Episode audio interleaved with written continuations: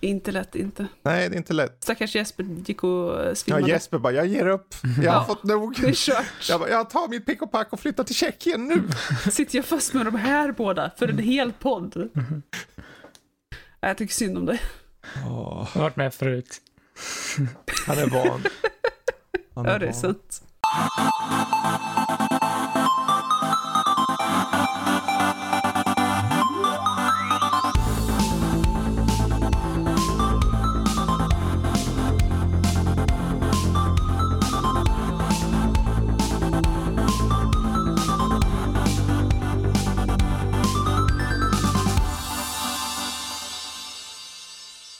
Hallå där allihopa och välkomna till ytterligare en veckas härligt avsnitt av Nördliv Podcast. Jag heter Fredrik, med mig har vi Lotta och Jesper. Er. Hallå. Eh, Det är avsnitt nummer 322 och det är den eh, nionde i tionde när vi spelar in det här. Och det är en hel del vi ska ta upp idag. Vi får se hur långt det här avsnittet blir. Vi kanske hoppar lite de här grejerna först. Det beror på tiden och orken. Men Far Cry 6, Metroid Dread, ehm, Nickelodeon All-Star Brawl, Lost in Random. Eh, varför inte lite Diablo 2 Resurrected? Kanske. Vi får se om jag tillåter Lotta att prata om det här som har pratat om 41 gånger tror jag. Eh, du har sett för första gången Kejsarens nya stil. Ja, Ja, det är tur att du såg den nya filmen som kom ut för 21 år sedan. D- jag är efter, okej? ja, jag har också, eller jag har sett klart What If säsong 1 och ville ta lite, det kommer bli en liten break där man går igenom varje avsnitt lite kort. Mm. Och eh, summera upp vad jag tycker om hela säsongen och ni får instämma på den jag sett, tänker jag. Eh, jag har också sett skräckfilmen, eller rysaren hur man ser på Candyman från nu 2021, som är indirekt en uppföljare till den klassiska Candyman, en skräckfilm från eh, tidigt 90-tal. Så där har vi lite av det som kommer tas upp. Eh, låter det bra eller har jag missat något? Det låter smarrigt. Låter bra. Vet du vad webbläsaren sa när den åkte berg och dalbana Lotta? Oh my goodness. Yahoo! nu kör vi. Vi börjar med, vi börjar med nyheter nu. Hjälp. Okej, sure. Det kan inte bli värre. Det kan bli värre. Det kan Oh. bli värre, men vi ska inte gå Oh dit. my. Eh, Vi börjar med lite ryktesväg först här och det blir lite kul mest bara för att se vad ni tar av det hela. Men eh, nyköpta Bluepoint Games då som eh, togs upp i Sony eh, nyligen eh, sägs jobba på något Bloodborne-relaterat. Eh, och det är just det här ordet relaterat. Törs vi, törs vi tänka oss en, de är ju kända för eh, remakes. Mhm. Eh, kan vi tänka oss att de arbetar på kanske en remake för PS5? Ja, Alltså, Eller är inte inte det lite för tidigt förresten? Bloodborne kom väl ut bara för 5-6 år sedan? grejen med Bloodborne är väl att man inte kan köra på något annat än 30 FPS eller något sånt. Eh, Mm. Vilket är den största anledningen till att folk eh, vill verkligen ha en ny PS5-version Mm. eller någonting. Men jag tror inte någon riktigt har tänkt på en remake egentligen. Det är ju ett typ, jag tror det var 2016 eller något det spelet kom ut. Och visst, det kanske ser lite föråldrat ut idag om man kollar på typ Demon Souls remake, men ja. Men Mm. eh, jag skulle nog säga att det skulle nog varit väldigt intressant ändå om de gör den här, för att Bluepoint Games kan verkligen göra snygga remakes. Eh, och Precis. jag tycker redan att Bloodborne har eh, till estetiken en väldigt snygg stil. Så med Mm. Bluepoints eh, eh, arbetskvalitet med sin eh, Mm. remakes-grej och sen eh, den här stilen kan bli något riktigt snyggt tror jag. Exakt. Mm. Och just det här också med eh, 30 FPS-grejen, det är ju någonting som ofta tas upp och diskuteras i speedrunning-communityt. När man diskuterar speedrunning av Bloodborne. För att det ger ju ytterligare en, en nivå av svårighet till spelet. Särskilt när du som runner är van vid spel som går i Mm. åtminstone 60.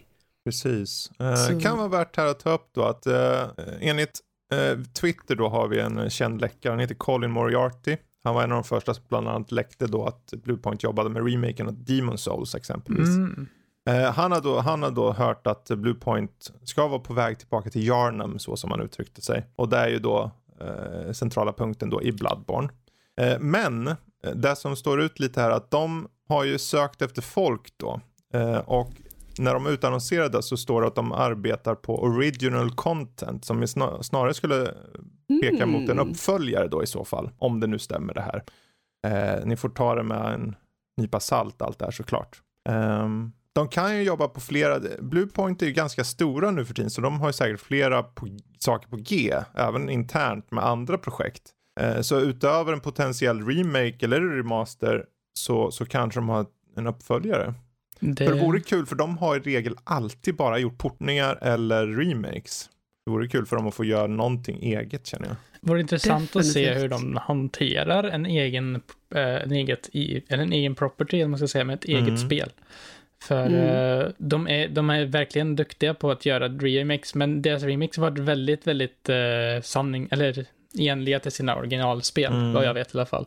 För jag har ju kört uh, både Shadow of the Colossus remake och typ lite grann av Demon Souls remake.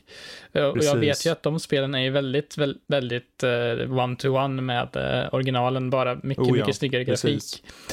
Så att göra ett helt nytt spel, ja det är ju någon helt ny liksom det är en helt ny skill de måste ta sig an. Och det ska mm. vara intressant att se om, om de gör då en Bloodborne 2, hur de hanterar det. För de måste, ju, de måste ha hjälp från Software då antar jag, eftersom att det är mm. Bloodborne mm. liksom. Mm.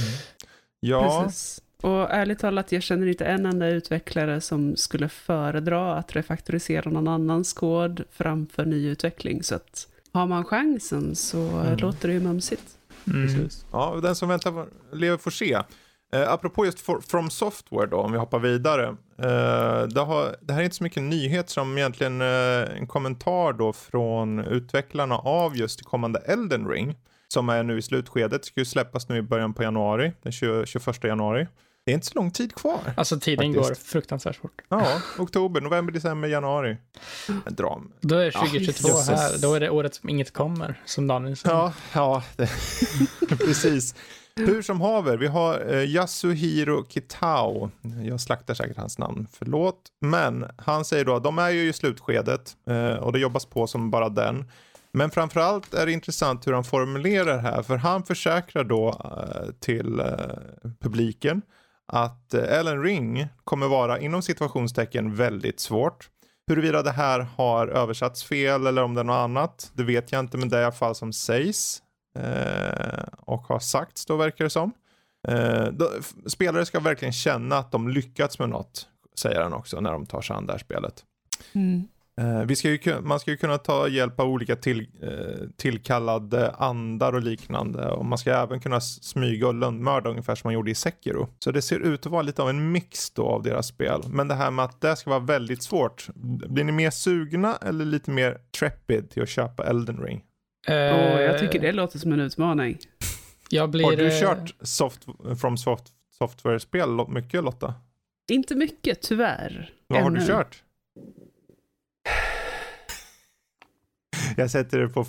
Jag bara jävlas med det. Du behöver inte tänka på det.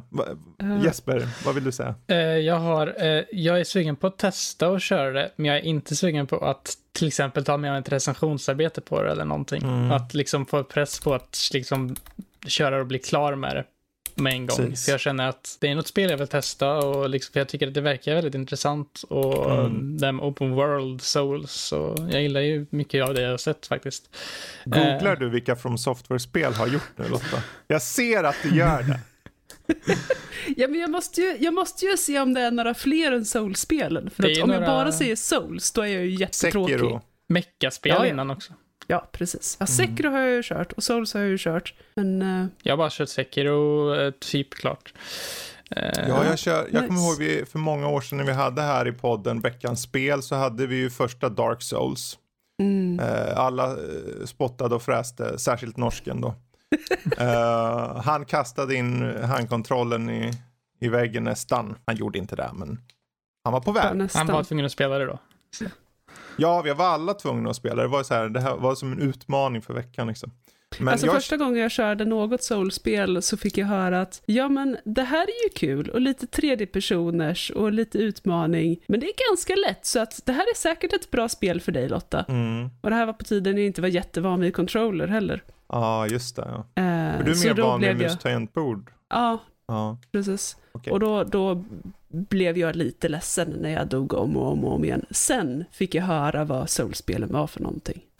Alltså det är ju meningen med Souls typ nästan lite grann. Du ska dö och lära dig du ska inte klara allt på första försök. Du ska uh, anpassa dig Precis. till deras Mm. attacker och patterns och allt sånt där. Men någonstans Precis. känner jag så här, men om du är bra från början, kan du inte då ta dig igenom? Jag skulle vilja att någon som är genuint bra faktiskt vet att de kan klara på första. Max. Mhm. Och, men, men det är som att spelet håller igen lite så här, men du får inte reda på det förrän du faktiskt dör. Och då stör det mig ärligt talat. Som att, ja men jag måste Mm, alltså dö.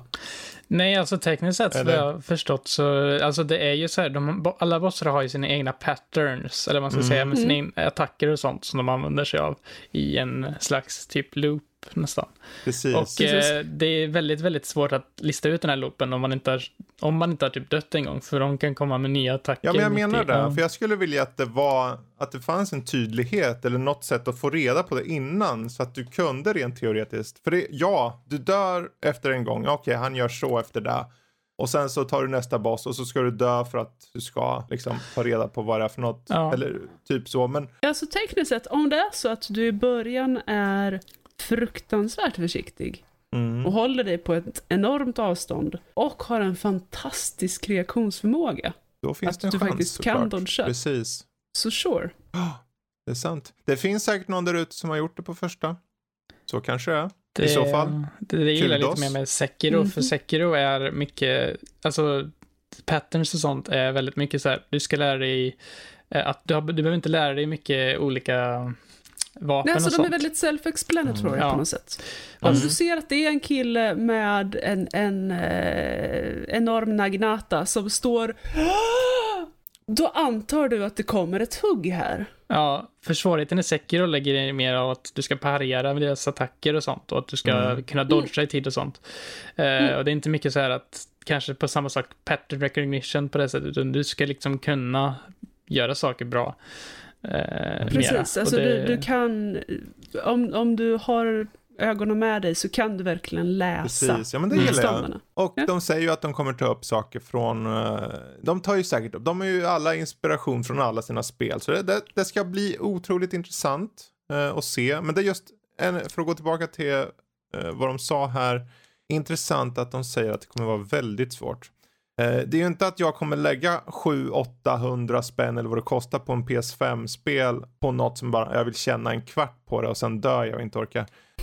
Det, jag tror det kommer nog hämma mig från att ta det. Eh, alltså skaffa det här spelet.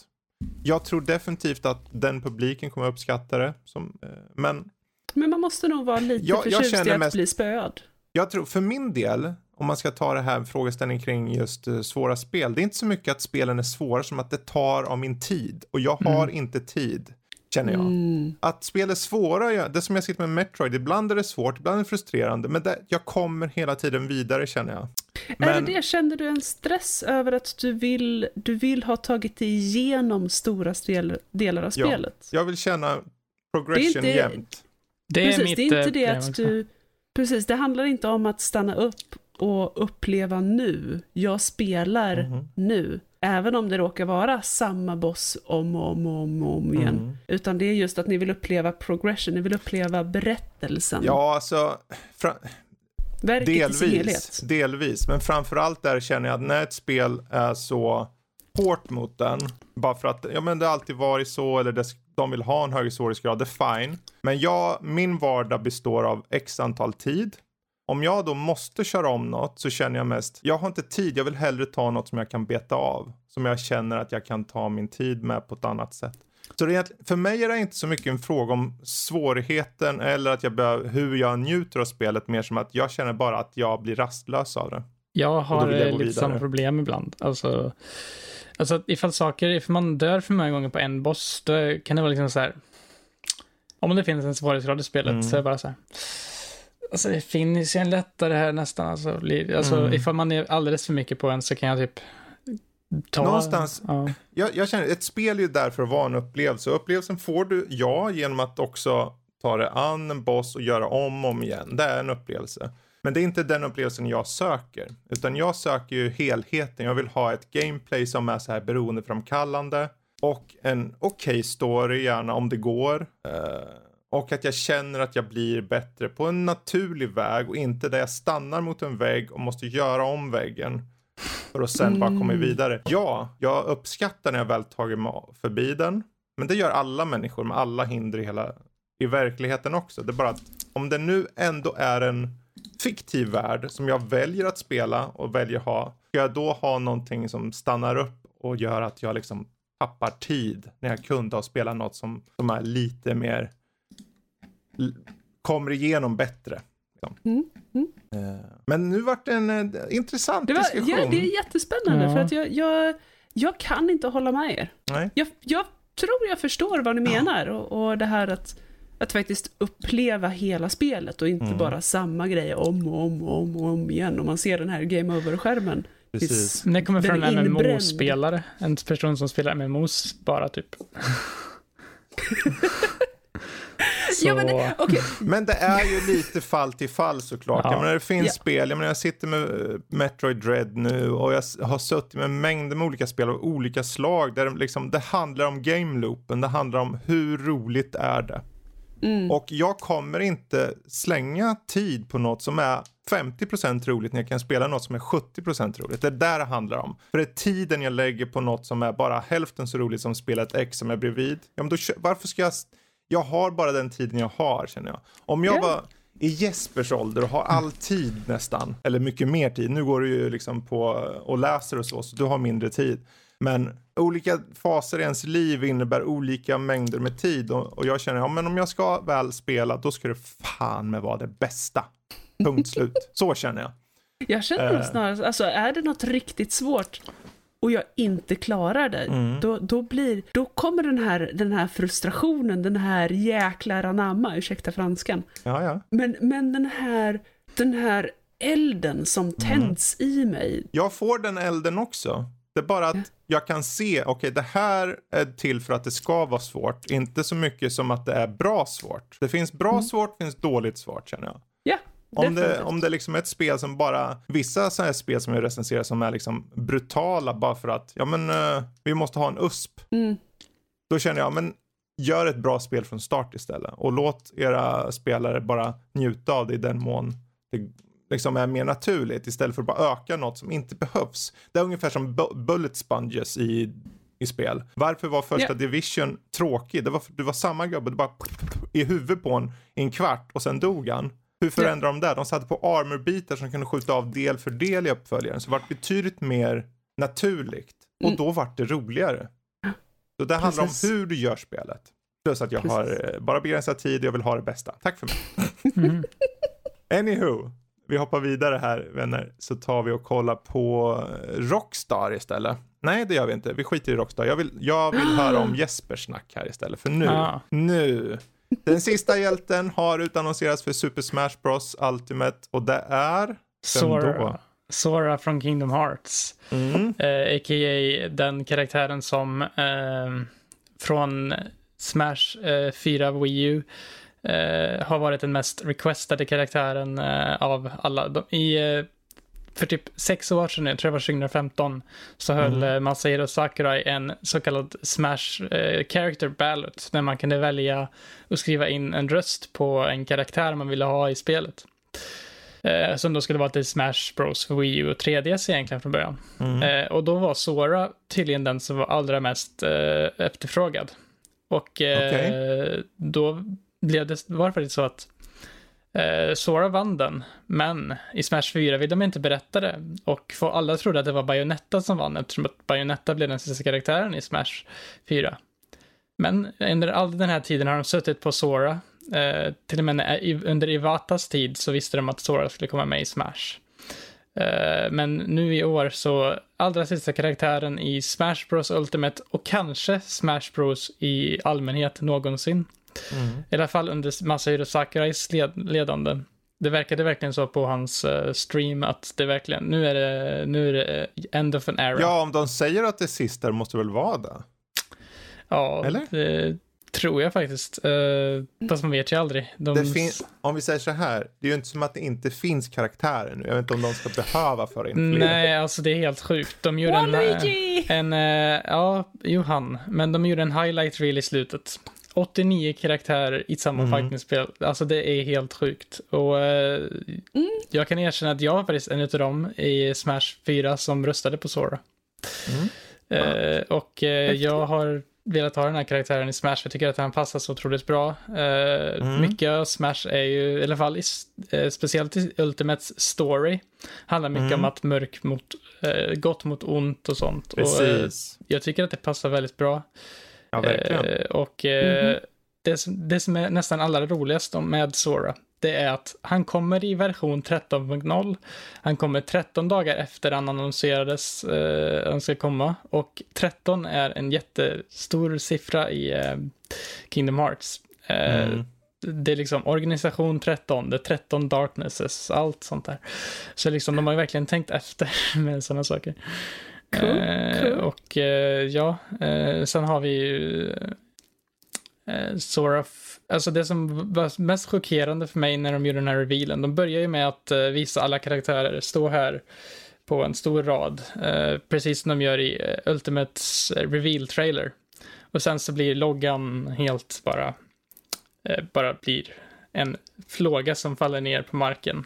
Och Mario går fram till den här lågan och jag tänker, ah, det där är säkert en Bonfire från eh, Dark Souls eller Det eh, varit något sånt. Eh, och sen bara, och sen så tar han tag i den här lågan och så ser man att det är någon, någon slags vapen eller någonting han håller i. Men vänta, nej, det kan ju inte vara Tales of Arise, uh, Alfens svärd eller?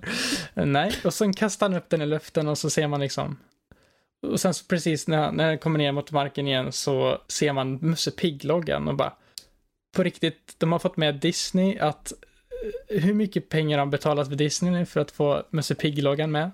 Eh, det är den enda representationen dock, typ av, eh, av Disney överhuvudtaget som de har lo- plockat med. Eh, det finns, de har tagit bort så mycket i, eh, det är en bana där som har eh, bakgrunder med olika saker och den Eh, det är så här stained glass och de brukar vara typ typ Disneyprinsessor och sånt med där. Men de har tagit bort allt sånt för, eh, ja, Disney vill väl inte riktigt det.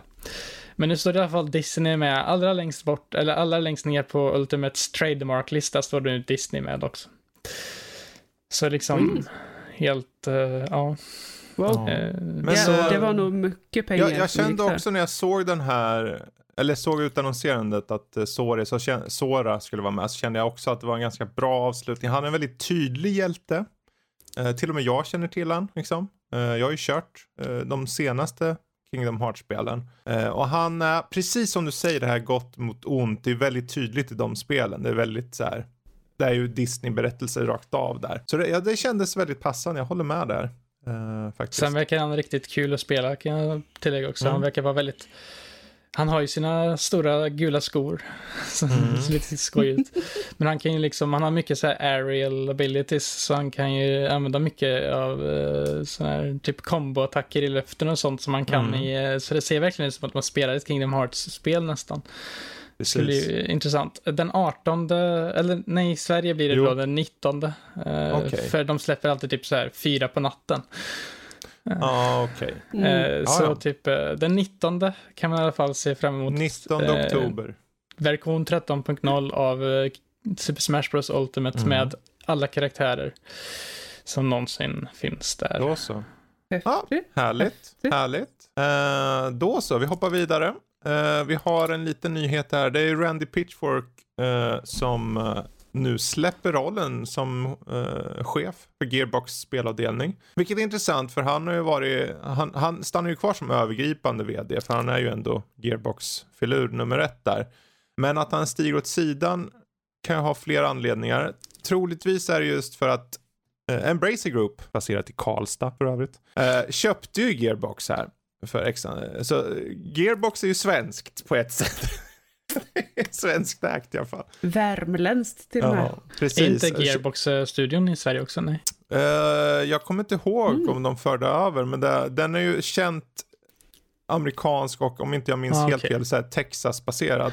ah, just det. Mm. Så det ska väl nog mycket till han får över dem tror jag. Men eh, 3 miljarder köpte han ju dem för då när det begav sig. Men de här förändringarna nu, jag tror det har till viss del i och med att eh, Randy Pitchford har ju han har ju varit ganska tydlig liksom lite dålig stil. Jag säger det här lite milt. Han har, han har gjort och sagt saker som har eh, varit ganska så här off-cup, som inte känns bra. Så att den här förändringen inom eh, just eh, på det här sättet, att den sker är nog ganska bra tror jag. Det betyder att någon annan tar hand om ansvaret för spelavdelningen, vilket jag tror behövs för Gearbox. De har en bra, de har ganska bra, tydliga spel. Så att de bara kan fokusera på spelavdelningen mer är nog bara till nytta för dem och få någon som faktiskt kan styra det bättre än han. Eh, jag vet inte om han styrde dåligt, mer som att han var en dålig figur och, eh, för, och jag tror i förlängning mot Embrace Group också. Jag kom på en nyhet som är ganska viktig att ta upp sen också. Så mm. kan vi, ta vi kan ta det sist sen då. Um, bra, vi hoppar vidare. Uh, en liten snabbis. Rockstar avtäcker GTA The Trilogy, The Definitive Edition. Och mm. uh, det blev häromdagen nu att uh, Remaster-samling är på väg. Det är alltså GTA 3, GTA Vice City och GTA San Andreas som släpps. Eh, det finns inte mig vetligen något datum, men senare i år skrivs det. Så eh, om man nu är sugen, då, då har ni något att se fram emot. Jag vet inte hur bra, det är remasters det snackar om. Så lite Eh, bättre stöd för vid uh, widescreen och det är högre upplösning och det är lite bättre texturer och så. Men samma polygoner som vanligt egentligen. Är uh, GTA 1-3 liksom uh, hyllat som att vara bra GTA-spel i serien? Eller jag, jag har bara hört mest om 4 och 5 och Vice mm. City mm. och San Andreas. Typ. Okej. Okay.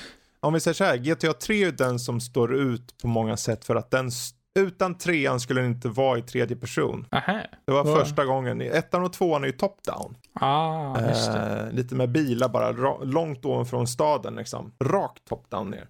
Eh, Medan trean var första gången de gick i tredje. Därför, trean är egentligen den största grejen här känner jag. Vice City på ett sätt för att den var superhyllad för sin stil och tog lite av, avsprång från Vice, Miami Vice och liknande på 80-talsserier. San Andreas körde jag aldrig, jag tyckte inte om San Andreas så mycket, men jag vet att väldigt många tyckte om det. Men mm. GTA 3 förändrade extremt mycket och det är mycket riktigt 20 år sedan den kom. Så den är väl mm. egentligen den stora grejen här känner jag personligen. Uh, det är kul att säga fyran och femman där. Fyran tyckte jag var ärligt talat ganska tråkig. Och femman orkar jag bara köra en timme eller två, sen bara, jag, alltså jag skippar den här. Jag tror jag är lite trött på formulan. Alltså hur många gånger har femman releasats i olika former och för olika plattformar? Ska till... snart i Playstation alltså jag tappat räkningen. Fem. ah, ah, bra. Det var ju liksom eh, introduktionen till deras eh, PS5, det första Playstation 5 showcasen de hade. Mm. Ni vet väl att GTA kommer att vara konsol va? Det blir köpt ja. på er. Men det, det säljer fortfarande, det ja. det. Det säljer som ja, smör. Det är ungefär som med Skyrim liksom. Men alltså, vi och säljer det så lite... säljer liksom. Vi, vi pratade lite förut om det här att eh, utvecklare tycker om att nyutveckla, men mm. Som sagt, hur många gånger har de släppt femman? Och nu kommer ja. the ultimate edition av ettan till trean. Precis. Det är ju fördelen uh, här nu, ultimate edition till ettan och trean. Ja, nej, menar, förlåt, förlåt. Du menar den här uh, som vi pratar om här? Ja, eller? precis, precis, definitivt. Just, Ettan, tvåan, ja, tre. Det, det, är ju GTA 3, 4 och 5 egentligen. Det beror på hur man ser på det. För de är ju lite märkliga. För att ja. de släppte ju först GTA 3 och sen släppte de en helt nytt spel som heter GTA Vice City och sen släppte de en helt nytt spel som heter GTA San Andreas och sen släppte de GTA 4. Cause you know. Ja, och femman. Men skillnaden är motorn. De har samma motor. De två, eh, San Andreas, trean och uh, Vice City. Trean, Vice City och San Andreas uh, har mer eller mindre samma motor om jag inte helt Jag vet att GTA Vice City och trean definitivt har i alla fall. Uh, och det, på ett sätt är jag inte förvånad om de släpper de här tre just på grund av det. Det är lättare att ha, om du kan göra trean lätt, då kan du göra Vice City och San Andreas lätt också. Liksom. Men ja, jag tror det, det kan vara kul för de som är lite halvnostalgiska. Nostalgiska, det är, 20, ja, det är 20 år sedan förstås. Jag, jag spelade ju mycket mm. på GTA 1 och 2 när de kom. För de gjorde, de, när de släppte så var det ju ramaskri. Vad är det här? Det här uppmanar till att folk ska köra ihjäl folk. Vad är det här? Och då var det som sagt top-down ovanifrån, typ 500 meter upp i himlen ser man en bil åka runt. Så såg de ut ursprungligen. Och sen kom trean och då för 20 år sedan, då för 20 år sedan när trean kom, oj oj oj oj oj vad folk var på det. Jag körde ju Vice City en del eh, ja. på den tiden och uh, gisses vilken buse jag var. Det var ju, det var ju som, som vågade på Du den kanske ska tiden som testa det igen nu då? Ja, kanske precis. jubileumsdags. Köra lite Vice City när den släpps nu till, till hösten kanske. Ja, jag menar det. Är Vice Ja. City med där också? där eh, Polares källare. Ja, GTA 3, GTA Vice City och GTA San Andreas kommer släppas i den här. Jaha, är de? Jag trodde det var typ 1, 2 och 3 eller något. Nej, de hoppar ju de, gör de. Eh, Så det är och tre- troligtvis Nej, för men att de eftersom de är... är så annorlunda. Ja, Ja, just det. Ja. Eh, de, de passar liksom inte imagen av GTA som de har byggt upp nu. det har ju släppts, det har ju släppts pack, eh, packen med ettan, tvåan och expansionen till tvåan. Det vet Mm. jag, men det var länge sedan. Eh, ja, ja, men vi hoppar vidare. Eh, jag tänkte nämna lite kort, det släpptes en trailer då för en kommande film nu i höst som heter Resident Evil Welcome to Raccoon City. Jag hade faktiskt helt missat det här, det har tydligen utannonserats för ett bra tag sedan. Men eh, jag såg trailern och vart lite så här, hmm, de försöker verkligen få, de får in ett, eh, Resident Evil 1, 2 och 3 känns det som. I alla fall ettan och tvåan kan jag utmärka då. Eh, Mm. Med karaktärer Declare Redfield, Jill Valentine, eh, Chris Redfield, Albert Wesker, Leon S. Kennedy, alla de är med där. Och de kör Mm. mycket av storyn som är, de kommer till mansionet som man ser och eh, vi kan ju bara anta vad som händer sen liksom. Vi har ju sett filmen, eller sett filmen, sett spelarna kanske. Många känner till spelarna i alla fall. Skär tummen varandra. Ja, det, det ser inte ut att vara lika hög eh, produktionsnivå på filmen som kanske det var i, eh, i de andra filmerna som kom. Men i och med att den är mer trogen så är jag lite mer eh, optimistisk. För jag må Mm. tycka Mila Jovovich kan vara bra. Men överlag var hon skitdålig i Resident Evil. Och filmerna var ännu värre. Första filmen gick att se, men sen... ah, Sånt slöseri nästan med hennes tid. Men det var billiga filmer att släppa och hon kunde få ut sitt namn. För det var där de bankade på liksom. Men nu Ja. slipper vi henne. Ja, Och vi slipper eh, till viss del eh, regissören då, han Paul W. W. Anderson, vad han hette. Och en ny regissör. Huruvida det här blir bra, återstår att se. Jag tycker alltså det det är, ser... alltid, det är alltid väldigt risky att byta så, att försöka hålla sig väldigt trogen ett ut, ursprungsmaterial, men du byter media. Mm, Eh, är, det, det innebär alltid stora risker. Alltså vi har ju, precis. vi har ju skapare som, som Neil Gaiman som går runt det här i det att han skriver om stora Mm. detaljer av berättelsen så fort han vill göra om det i ett annat media. Eh, för att anpassa det till de möjligheter och begränsningar han har. Så att här, att försöka ta ett spel och så troget som möjligt göra det film är... Ja, vi säger, där, där kan vi, utifrån trailern kan vi redan se att de tar nya vägar. För det Mm. är en adaption, står det här, av första och andra spelet i ett. De för Mm. samman och därmed måste göra om storyn. Så vissa saker sker på olika platser och framförallt i och med att du har karaktär som egentligen inte är med i första spelet så blir det eh, annorlunda. Så de kommer ju alla Gött, fyra gött. in på mansionet. Mm. Eller till och med Albert Wesker är med i patrullen som kommer in där. Så det är uppenbart att de gör, det är en annan berättelse men det blir mycket mer inspirerat av original. För till skillnad från exempelvis första Resident Evil-filmen med Mila Jovovich som en påhittad karaktär. Så den har egentligen inte alls, det finns platser mest så. Här är samma karaktärer, så jag känner här, det finns en chans. Det enda som går Mm. emot den lite, att den kändes lite mer lågbudget i jämförelse. Eh, om det spelar roll i slutändan, så länge den är okej och eh, förmedlar en bra känsla och, och representerar spelen, så känner jag det okej, kan bli bra. Mm. Kan bli bra. Eh, Spännande att se helt ja. enkelt. det släpps i USA 24 november och när den kommer till oss vet vi inte än, men eh, det återstår att se. Mm. Sen ska vi se här, vi har Twitch, nyhet. Twitch har ju hackats, det kanske ni känner till där ute. Det har släppts uh, källkod och användaruppgifter var ute på vift och allt vad det var. Så om ni inte har redan authenticator-grej igång så skaffa det omedelbums och passa på att byta lösenord också vet jag. Just in case. Sådär. Eh, Det var runt eh, 125 gig då som innehöll både källkod och lösenord och utbetalningsuppgifter och, och allt det här har spridits vidare och så. Mm. Um, På 4chan av alla ställen. på 4chan, jag vet inte ens vad 4chan är för något. Det är Bra, en eh, gammal, fortsätt så. Är det som gammal Reddit? eller? kanal. Typ...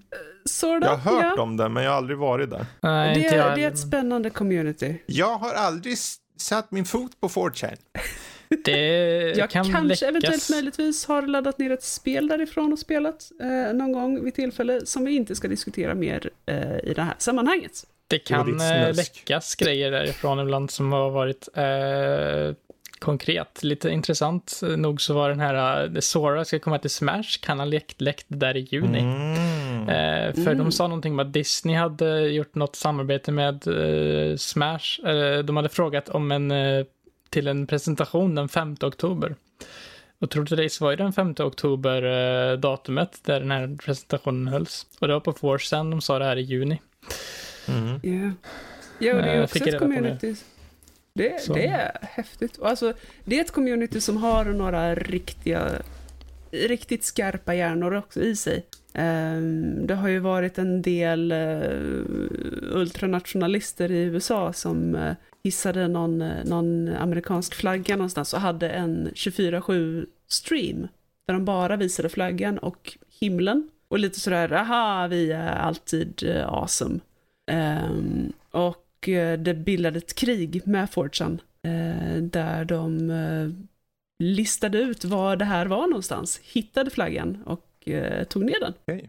Okej. Ehm, så att det, det finns några riktigt eh, smarta cookies där. Mm. Eh, och som sagt uppenbarligen också hackers. Ja, uppenbarligen. Hur som haver, ta, ta tiden, ti- tiden i akt här och byt lösenord och hela faderullan så ni är på säkra sidan där ute. Eh, Jesper, du hade en sista nyhet va? Ja, just kom det. på. Ja. Eh, Den välkända kompositören eh, Koichi Sugiyama, han som har gjort Dragon Quest-musiken i alla år, Ah, har nu dött eh, vid 90 års ålder. Eh, okej. Och eh, det är en stor nyhet för att han har ju verkligen influerat eh, JRPG-genren med sin eh, musik. Mm. Eh, väldigt, väldigt liknande musik skulle jag säga emellan spelen. Är, hans tema återkommer ju oftast med lite olika variationer och sånt. Eh, det som är lite intressant dock är att han verkligen har kommit ut som att vara ett väldigt stort as. Han har varit någon typ nazist och grejer och Nej! transfob och grejer. Så att eh, det var lite tråkigt. Var men, han eh, både nazist och transfob? Ja. Jag säger det som att jag är förvånad. Jag är inte det. Du menar att han var ett Det går lite hand i arsle? hand känns det som. Ska jag Ja, kolla här nu. Men han, ja, står, ja, han skulle, han har komponerat upp till eh, Dragon Quest 12. Han har till och med komponerat den innan han eh, Wow. gick bort. Så det var, han dog av något som heter septic shock. Ah, Eh, vet jag inte riktigt. sepsis. Ja, sepsis, Eh, ja. Mm. Det Så- är eh, blodförgiftning. Ah, eh, okej. Mer eller mindre. Och så att eh, hans system bara eh, stänger ner sig själv. Mm. Eh, Ja. Och det kan komma väldigt plötsligt. Och eh, Ja, ibland så kommer det... Han verkar ju toxic i övrigt så. 90 Förlåt, år blev han i alla fall. 90 år blev han i alla fall. Ja, det är Så inte roligt när någon går gammal. bort. Ganska gammal Det är en och fantastisk kompositör. Mm. Oavsett Eh, hans det- åsikter om saker och ting, fantastisk kompositör. Och Alltså, han har gjort, eh, eh, stort ja. inverkan. Stor inverkan. hela soundtracket för eh, typ Dragon Quest 11 när han var så gammal. Det är helt sjukt. Ja. Så ehm, det är många eh, förgåvade där på Square Enix med sina musik. Yeah. Mm. Ja, det var det om Det var han. den. Ja men bra att du tog upp det i alla fall. Eh, bra, men då hoppar vi vidare. Och det är dags egentligen att fokusera på det som är köttigt här va. Eh, säger jag Har vi som något köttigt än en gång. nu? Ja, Men saftigt. Fast vad, vad vet jag egentligen? Jag har ju knappt än en gång satt min fot på 4chan så jag vet ju, jag är så oskuldsfull och dum tänkte. Mm. Men jag tänkte jag ska börja med egentligen, jag börjar med mig själv är jag så här elak. Oj. Ja, för jag funderar om jag ska ta, kolla lite på Resident, var Resident Evil, What If. Första Mm. säsongen har uh, blivit precis avklarad med en two-parter på slutet. En two-parter som binder samman egentligen alla tidigare avsnitt, så det är kul för er då, om ni ska se vidare. Eh, Men de första, det är ju nio avsnitt. Det första avsnittet är ju då What if Captain Carter becomes, eller were the first Avengers. Så Steve, Steve blir ju inte Captain America, Captain utan det blir hon, Captain Carter istället. Det avsnittet tyckte jag var faktiskt ganska bra. Eh, Mm. Hon slåss ju mot en stor jäkla. Vad heter det, Kraken nästan. Mm. Via Ja, Ja, och grejer. I portalen. Ja. Eh, FYI, det kan förekomma milda spoilers. Jag kommer inte gå in på djupet, men jag kommer gå in lite på per del vad jag tycker och framförallt på säsongen i helhet. Mhm. Ehm, Jag, ja, men jag tyckte det, det väldigt som... mycket om den också. Det, den kändes mm. som en väldigt, alltså, det känns som en väldigt trovärdig What If. Precis. Uh, det, det, kändes, det kändes likely att det mm. blev uh, Samantha Carter som fick injektionen. Och, och hennes agerande känns Peggy också... Peggy Carter. Ja, förlåt, Peggy. Förlåt, förlåt. Det var, det var en miljon nördar som bara skrek. Ja, åh. Åh, vad pinsamt. Samantha Carter. Förlåt. Fortsätt.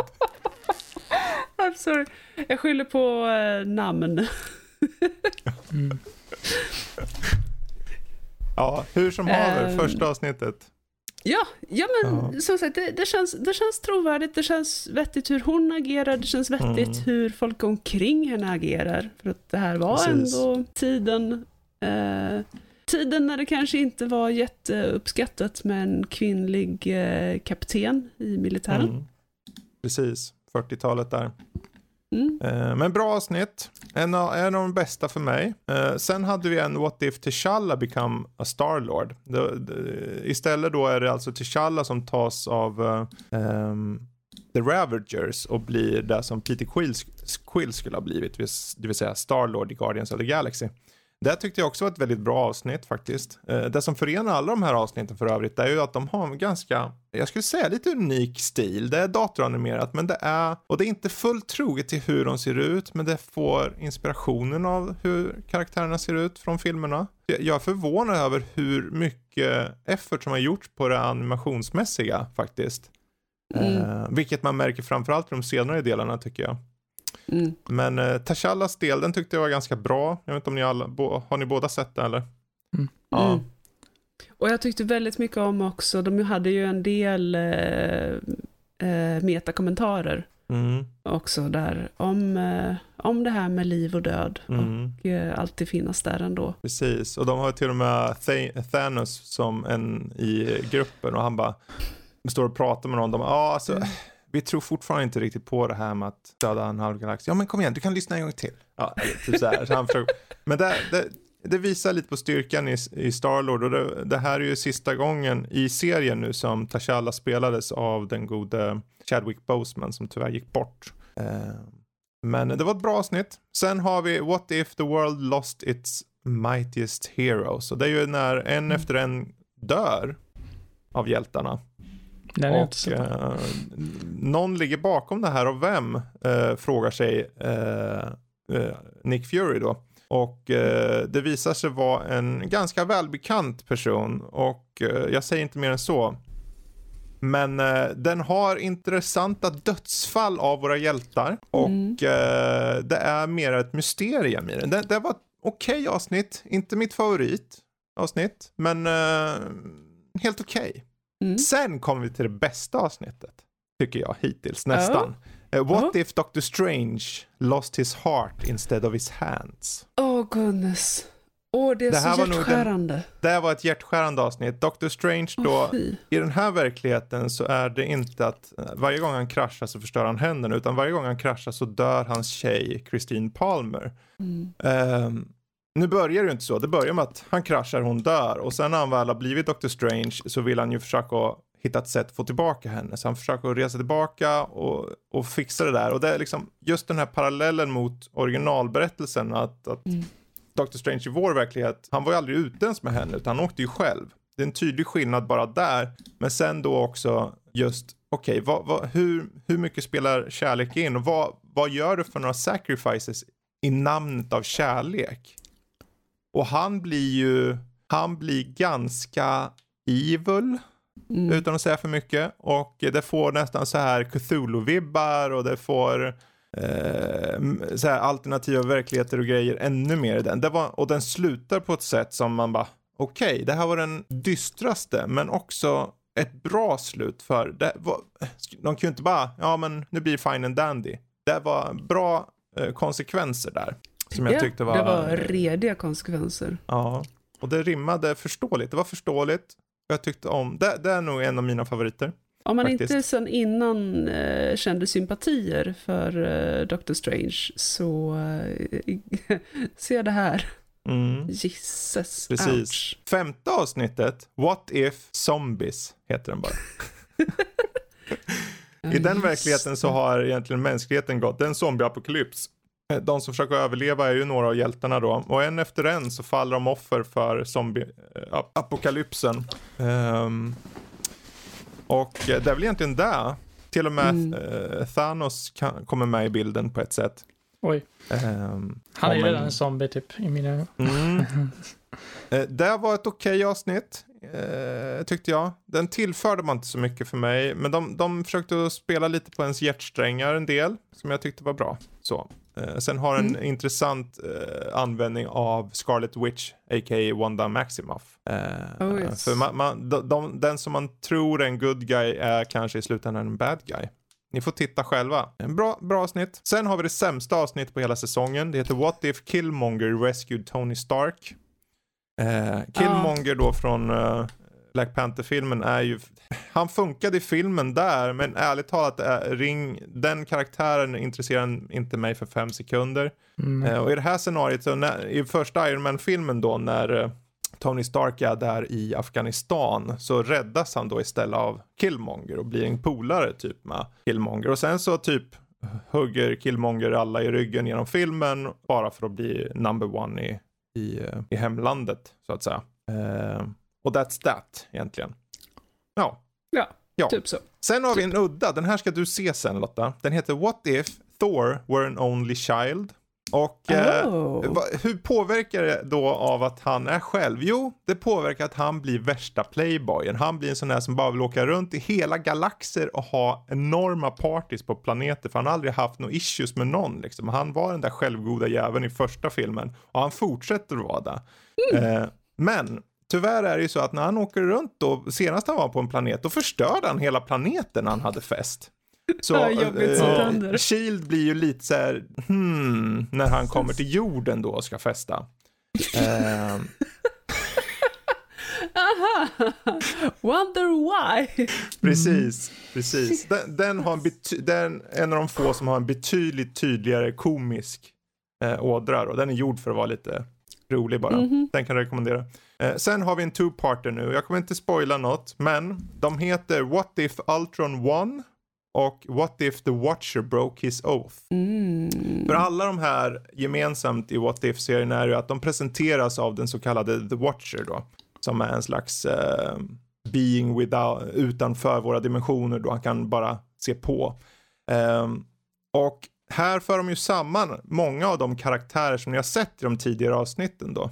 Uh, där i det här fallet då Ultron, han slicear, det här, jag säger det, det spoilar jag. Han uh, tar över uh, Visions kropp, så Vision blir aldrig till. Utan det, i, i vad, vilken film är det? Det är Avengers 2, Age of Ultron. Där då de ska skapa, de skapar Vision då. Och av misstag så kommer Jarvis in i Vision. Eller vad det blir, jag kommer inte ihåg exakt. Men i den här verkligheten så blir det då Ultron som faktiskt får den kroppen.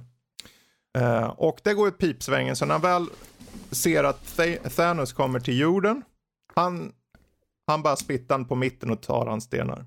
Och därefter har ni de här två delarna då. Jag tänker inte säga så mycket mer om det, det händer en del saker, eh, kan man säga.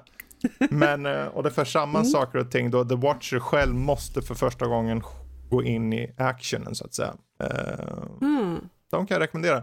Och där har ni hela säsongen egentligen. Om en väldigt milt då. För jag vill inte spoila för mycket. Det finns mycket godbitar i varje avsnitt. De är typ 25 minuter styck bara.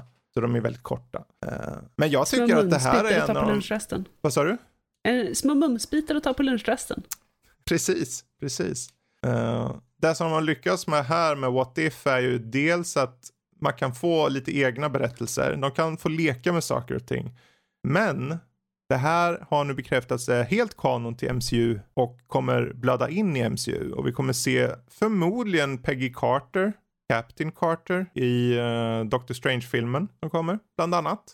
Har, vi får se om det, det har läckt om det. Om den läckan eh, förändras, om de klipper det eller något, klipper bort det. Vi får se. Men eh, hon har tydligen varit på plats och spelat in och så. så det, och fler av de här sakerna kan komma över också. För eh, Doctor Strange-filmen, Doctor Strange and the multi... Vad fan heter det? Multiverse of Madness eller någonting. Kommer ju komma sen. Då handlar det om multiverse, uppenbarligen. Så det går lite hand i hand. Jag undrar mest, undrar om den här elaka Doctor Strange kommer med. Det hade varit intressant. Åh, jag hoppas det. Han spelar mot sig själv liksom. Precis. precis. Ja, Jag önskar också att eh, Captain Samantha Carter också kommer eh, och diskuterar med Captain Peggy Carter. är det något du har läst på 4chan eller? Ja, nej, nej, jag går in och skriver det direkt. Okej då. Där, det- Introducera Stargate Precis. Universe. Vi, vi, vi får se. om- Jag funderar på ett tag om man skulle kanske ta och göra någon sån här typ eh, spoilercast eller bara ett avsnitt man rankar eller någonting på, på What If när fler har sett det.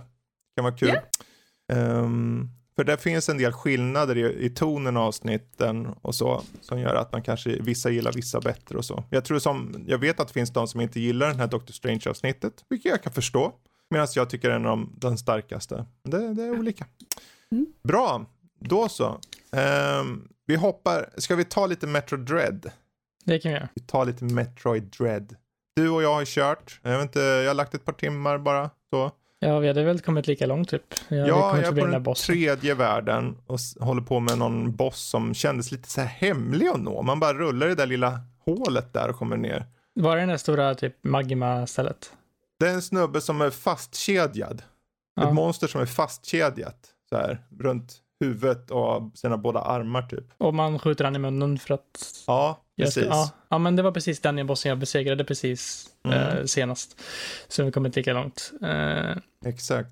Men Ja. ehm, vi kan väl ta lite premiss här. Det här är ju femte spelet i, eh, i Metroid-spelet, eh, Metroid-serien av de mer klassiska sidskrollande versionerna. Då.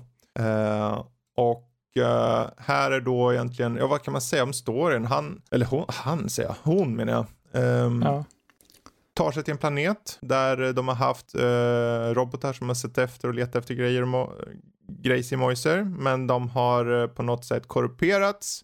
Och när du väl kommer till planeten så händer någonting. Så att när du väl vaknar upp så är du längst, längst ner i planeten och d- ditt mål är att ta dig upp till ytan kan man säga. För att Till ditt skepp lite. helt enkelt. Ja, till ditt skepp.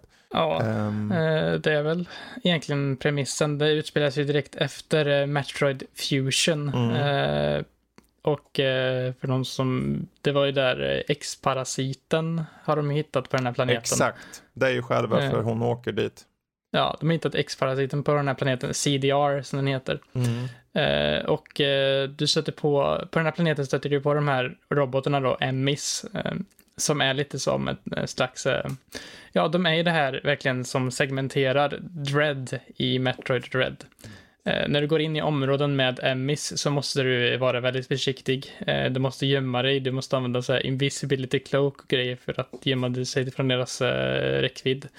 Och om de råkar träffa dig, ja då är du typ helt körd. För du har typ en procents chans att göra en counter på dem, annars dödar de dig. Mm. Eh, om du inte har en, en slags beam eller någon slags stråle som du kan få i vissa rum, eh, som du kan ta död på de Emmys med. Eh, eh, vilket Ja. du kan göra i vissa i olika Ja, du, du får ju den bara om du dödar den, den levelns lilla miniboss där typ. Ja. Om man hittar den. Så det har jag gjort några stycken.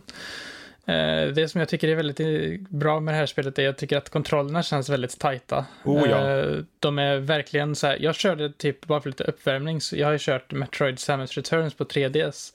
Så då startade jag upp det och körde lite. Och det har ju lite samma, det är remake på Metroid 2 då.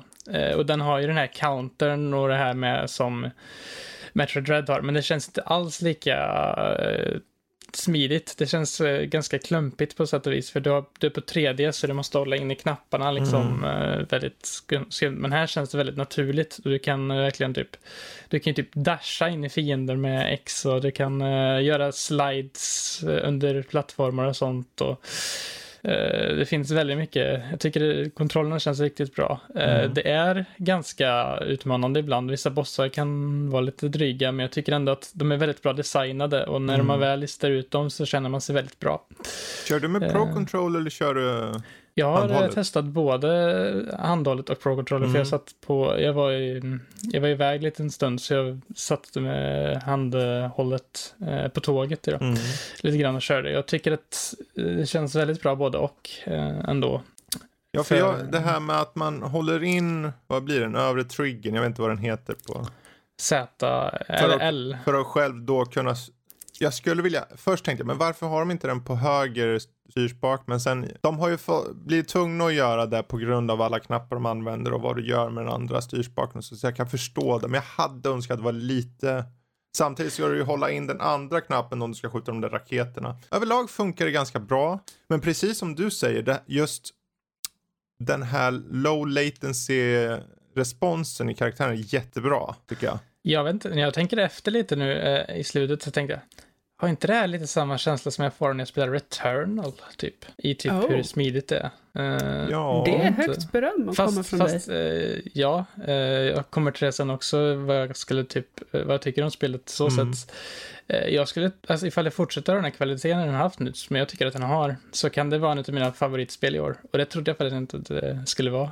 För jag är vanligtvis inte den största Metroidvania sidskroll Mm. plattformsspelsfanet, men jag känner verkligen att det här spelet känns som att de är verkligen byggt på Metroid-serien Mm. och nästan liksom perfekt. Fast det är just, vad har de utvecklat från föregående? Jag kan ju förstå att den är tight i kontrollen, men det är ju fortfarande ett väldigt klassiskt Metroid. Så.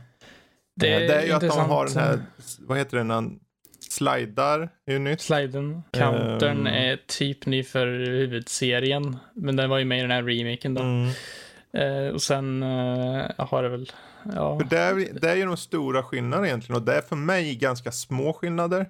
Men det jag tycker om med det här spelet är just att jag tror att de flesta kan komma vidare i det. Det är inte en så här ohemult hög svårighetsgrad. Eh, Nej. Det kommer vara frustrerande. Särskilt då du liksom, du måste ju gå till de här sparstationerna och spara där och är du en bit ifrån och du dör, ja då får du maka dig tillbaka till där du var, där du dog och liksom köra om. Men överlag Eh, tycker jag ja. det är ganska eh, bra med sparstationer och Ja, och sen eh, får, om du dör på den där bossen till exempel som du var på där, du märkte kanske att du var typ rummet bredvid när du kom tillbaka igen. Eh, ja, typ. Eh, så det, alltså det är väldigt, eh, det finns checkpoints Mm. utanför eh, viktiga ställen och sånt ofta, så det brukar gå ganska smidigt. Exakt. Sen tycker jag även att det är väl 60 FPS och Oh, ja. väldigt, riktigt bra på switchen. Exakt. Alltså. Jag tycker att... Ja. Precis, för jag kör, ju, jag kör alltid med switchen bara handhållet. Okej, för ja. mig är det ju liksom en handhållen enhet. Så för mig var det så här, jag bara, ah, nu ska vi se hur det här flyter på. Och det flöt på snorbra måste jag säga. De har verkligen ansett. Och då ser jag, för ändå vara ett switchspel, tycker det ser okej ut också. Jag tycker det ser bra Ja. ut. Ehm, det är inte De har, eh, supermycket texturer och så, men det, det har ett distinkt utseende som jag tycker funkar bra faktiskt. Det tänkte jag på när jag såg den första gången. Jag tänkte jag så här, ah, jag vet inte riktigt vad jag tycker om utseendet här när jag såg det liksom i eh, deras första Nintendo Mm. Direct här. Det kändes lite basic på något sätt. Men det var väl bara för att de bara såg de här ME-områdena som är extremt mycket vitt Mm. i. Eh, men det kommer ju till väldigt många olika områden som har ändå lite så här färger och sånt. Och det, jag tycker att färgerna verkligen poppar, eller vad man ska säga i spelet. Det känns... De eh, olika emisarna har ju dessutom lite olika utseenden och det påverkar Ja. lite i nivån. Och hur de är. En är så supersnabb på att springa, en är liksom li- och så vidare och så vidare. Den är jag jätterädd för just nu, för jag, det är väl den jag ska ta mig an härnäst, Ja. tror jag, den här supersnabba. Och eh, jag vet inte hur jag ska hinna döda den tid med strålarna och sånt. det kommer bli intressant, men det blir ja. intressant. Däremot, Men, eh, ja. på bossarna har de ju, den har ju quick time events ibland. Jag tycker inte om det. Du ska Mm. ta countera i rätt ögonblick. Eh, det hade jag gärna undvikit. Och sen är det också det här, ibland känner jag, okej nu vet jag inte riktigt var jag ska. Mm, Det är Det- hela tiden känner jag så här, alltså det finns ingen så markering eller någonting som visar någonting. Så ib- ibland om jag lägger ifrån mig den och kommer tillbaka, jag bara okej, jag, jag får bara gå åt ett håll. Och sen visar det sig, jaha, det var fel, får jag gå tillbaka. därför jag, Um. jag försöker liksom eh, spela med dem eh, när jag, till ett ställe där jag vet vad jag ska härnäst när jag Mm. slutar spela. För annars så känner jag, alltså det är ett spel verkligen man kan, för kartan är verkligen, för att vara ett sånt här spel, alltså varje område är ju väldigt stort. Mm, eh, kartan är enorm känns det som. Så när du går där så, alltså jag, man måste typ så, zooma in på kartan, kolla här, där här finns det så här, det får ju sån här laserstråle med tre skjutgrejer, så letar jag efter sådana dörrar som hade sånt och så. Precis. Och så, ja, det var ett område där var, jag vet inte, men det var precis efter man hade, innan man fick den här morphbollen. Mm. Eh, när, jag skulle, när jag försökte leta efter man skulle då, jag stirrade mig blint på kartan i, jag vet inte hur länge, Mm. och sen bara, Aha, du skulle förstöra det här blocket som var här och sen där och sen in i den rummet. Precis, så, jag märkte också vid ett tillfälle att uh, man, man tog sig upp på en ramp och när man hoppade på rampen så sänkte den sig och sen ja. så öppnades en lucka. Jag gick upp för luckan och så tänkte ja men vänta jag missade ett rum där nere. Det var låst. För den luckan jag hade stod på, där stod, den var röd och den skulle inte ändra sig. Det fanns ingen väg, så jag var inlåst. Och det var bara andra, en annan gång vart jag inlåst i ett rum och kom inte ut. Så jag fick starta om. Oj. Uh, Oj, så mycket har det inte varit för mig. Så, och då tänkte jag, men vänta här nu. För det var ju en fråga om att du behöver ta det vidare då. Men om jag ville tillbaka så var det kört just där. Um, det var jättemärkligt. Eh, så jag, men jag laddade bara om last save point så kom jag tillbaka en bit och vips så var det löst. Så kunde jag köra äh, den biten. Jag har en fråga till dig som du har, eftersom att du har gjort det nu. Ifall mm. det är en checkpoint mm. man kommer till, kan man stänga av spelet och komma tillbaka till checkpointen då? Du har ju två stycken eh, laddningsställen du kan ladda ifrån. Den sista ah. saven och den sista last save point. Och så, det var en checkpoint typ ja, innan en boss? det är en sån där plats som du väljer att själv spara på. Och sen sparar du spelet själv också. Så ah, det är en bra. av de två du har att välja mellan. För jag var rädd för att ifall spelet skulle krascha och det bara var de här savepointen själv, man mm. själv sparar på. Men ja, den, då är den sparar det själv också, tack och lov. Så, eh, men just den här, jag tror det bästa med spelet för mig, det är mystiken och atmosfären. Atmosfären är snorbra måste jag säga. Det är de, verkligen så här. De här emmisarna som kommer och man får små cutscenes, allting är väldigt bra gjort. Jag tycker det eh, med få ord skapar, inte bara så här, men varför, varför gör de så här? Och så här, jag måste ta reda på det här. Jag vill ta reda på det. Så mystiken, ja. och mycket, jag tror de har fokuserat mycket på det. För om du frågar då mig, vad handlar det om? Ja, det handlar inte om ett skit, för det finns ingen story i det. Uh, det, det känns som att det finns, finns en gömd, eh, det. det. finns någonting gömt under ytan. Uppenbarligen är det där vi ska ta reda på. Men initialt så tänkte jag mest, okej, okay, du åker till planeten för de här, vad var den där, viruset var där. Ja, uh, X-parasiten. Eh, som, eh, som för övrigt, det är en eh, slags, tänk dig typ coronaviruset mm. nästan eller någonting i, i Men det är, liksom, det är ju ja. premissen som gör att jag känner, ja men det är tomt. För i övrigt så, du har ju den här hemliga utomjordingen som du träffar på i början. Och varför är den, jag säger inte vad det är för något, men det, det du träffar på en i början. Och det är därför du hittas då längst ner i planeten varför det är så. Men det är fortfarande, även om du får reda på det så är det ju inte som, du har ju inte en jättemotivation för Samus direkt. Utan det är mest som att hon vill bara klara sig själv. Men det är fine, känner jag. För att den här atmosfären, särskilt när du kommer in i de specialrummen som har emmisarna, den blir ganska påtaglig och den skiljer sig lite från Emmy till Emmy. Och det är verkligen den största styrkan faktiskt. Det är nästan lite så här skräck läskigt på sån här skräckspelsnivå. För man blir nästan lite så här... Mm. Eh, det är nästan när man lite går runt dread. Man, man, vill inte liksom, man blir, blir lite så här... Snälla, ja, snälla, säg mig inte Emmy nu, jag vill vidare. För jag, jag, jag bara sprang in i ett par rum så, och till slut när den letar upp och tar den så har jag förstått nu att ja, du dör ju nästan hela tiden av det. Så att jag blivit van och när jag blev, väl blev van så tappade jag eh, rädslan för det. Så jag bara sprang in och sen mm. märkte jag att egentligen om du bara håller det rörande så är det kö, eh, lugnt. Vi får se hur det är med framförallt den som du pratar om. Det finns en som är extra snabb. Hur det kommer gå. Men hittills ja, har jag känt äh, att jag blivit lite avtrubbad så. Så jag bara, ja men nu är det inga problem. Han kommer där, jag blir lite, jag ställer mig här och tar det lugnt. Och sen springer han förbi, går jag vidare. Um, det som däremot, det är ju för mig, jag har fyra saker som jag känner är minus. Quicktime events på bossar. Ingen tydlighet i vart man ska gå. Backtracking är ett måste. För om du inte går tillbaka och fixar och får extra, då är det kört. Du kan köra igenom hela spelet. Rakt igenom om du vill. Utan det. Men det kommer vara snorsvårt. Och det förstår jag först när jag, för jag själv testade, jag gick vidare och vidare, jag ville bara vidare. Eh, så den där backtrackingen är, det ligger i naturen av Metroid. Det är inte som att det är något nytt för Metroid. Det bör tillåtas äh, sägas. Men jag personligen känner att okej, okay, men det här är samma sak som ni alltid har gjort. Ni kunde väl ha hittat ett annat sätt. Utveckla det. Äh, måste det vara som backtracking? Nu är det tack och lov en ba, ganska bra backtracking känner jag. För jag har jag sett bra jag... backtracking, jag har sett dålig backtracking. Och här känner jag, här är, det är aldrig för långt.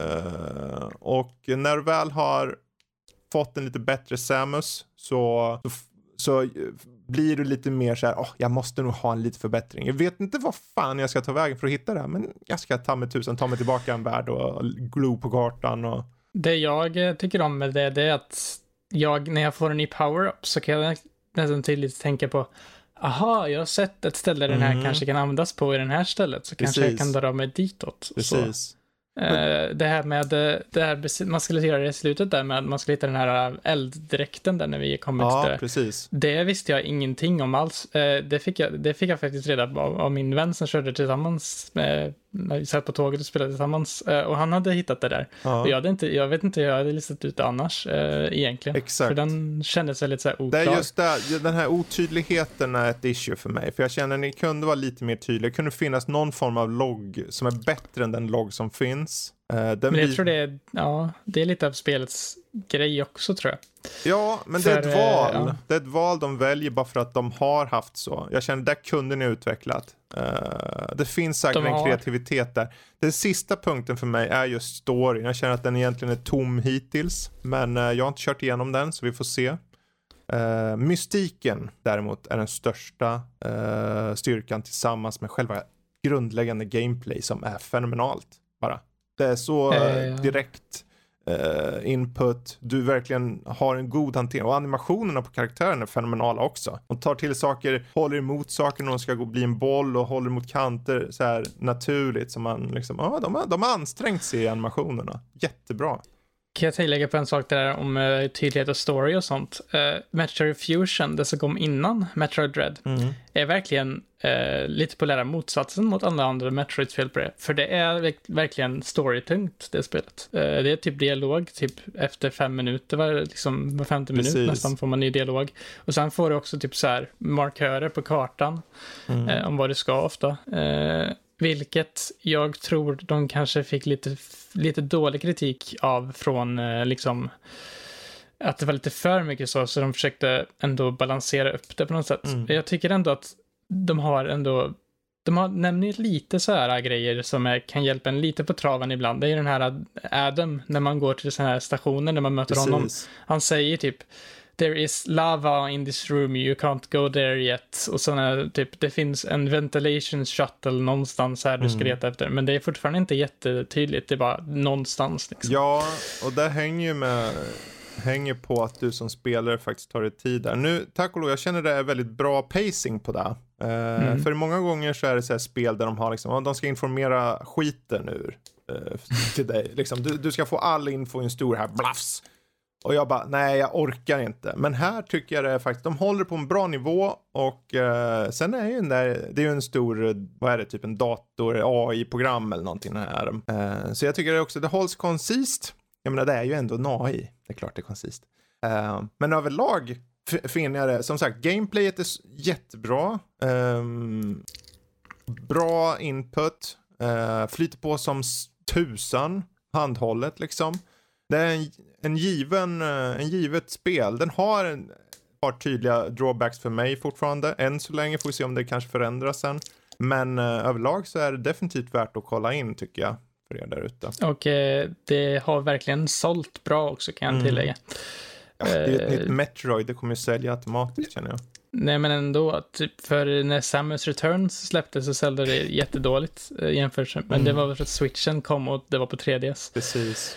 Men ändå tycker jag att... Det är, om vi ska vara eh, helt ärliga också nu, Nintendo, jag vet inte hur mycket, vad är det senaste stora Nintendo-spelet? Jag känner det här är det stora för dem i år. Ja, det, jag tror det kommer vara Nintendos eh, liksom Ja. Game of the Year-grej. ärligt talat, om de hade sagt att vi släpper samtidigt eller ungefär i närheten ett nytt Mario, då hade jag aldrig tittat på det här spelet.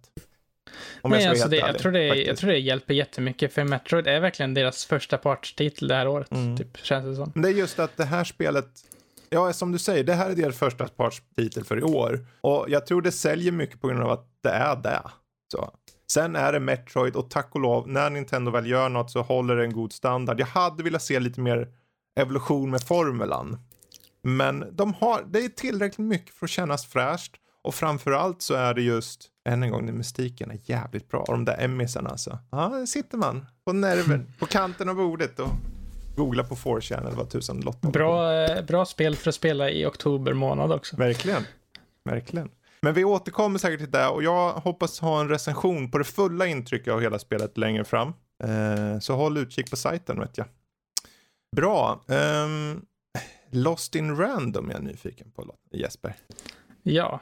Eh, Lotta får inte säga in... något för hon sitter där med sitt hår. Ah, jag har klippt mig. Mjam, mjam, mjam, mjam, mjam. Lost in random är ett väldigt unikt spel som utspelar sig i ett kungadöme som heter, just, det heter Random. Mm. Eh, de eh, består av ett hierarki av olika klasser.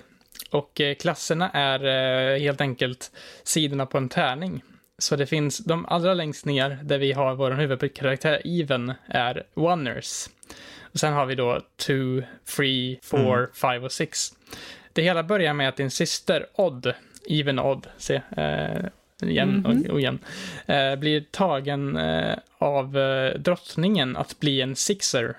Så hon eh, förflyttas till eh, Six ja, sex, eh, nummer sex eh, distriktet. Mm. Eh, nämligen. Och eh, du blir såklart ganska hjärtskärrad för hon har varit din vän i ditt liv och så och du vill, du vill hitta henne och liksom. Och eh, några månader senare så kommer ett spöke till dig. Och du följer det här spöket eh, en bit och sen ja, så flyr du iväg på ett skepp till ett annat ställe och där träffar du på en uh, tärningskompis, uh, Dicey, uh, okay. som du får med dig. Vadå, är det en tärning dig... då eller? Ja, det är en ah, tärning. Okay. Uh, och du, den här lär du dig använda i strid då. Mm. och striden är väldigt unik i det här spelet. Uh, tänk dig lite blandningen av Breath of the Wild, ett kortspel och typ Final Fantasy 7 Remake typ.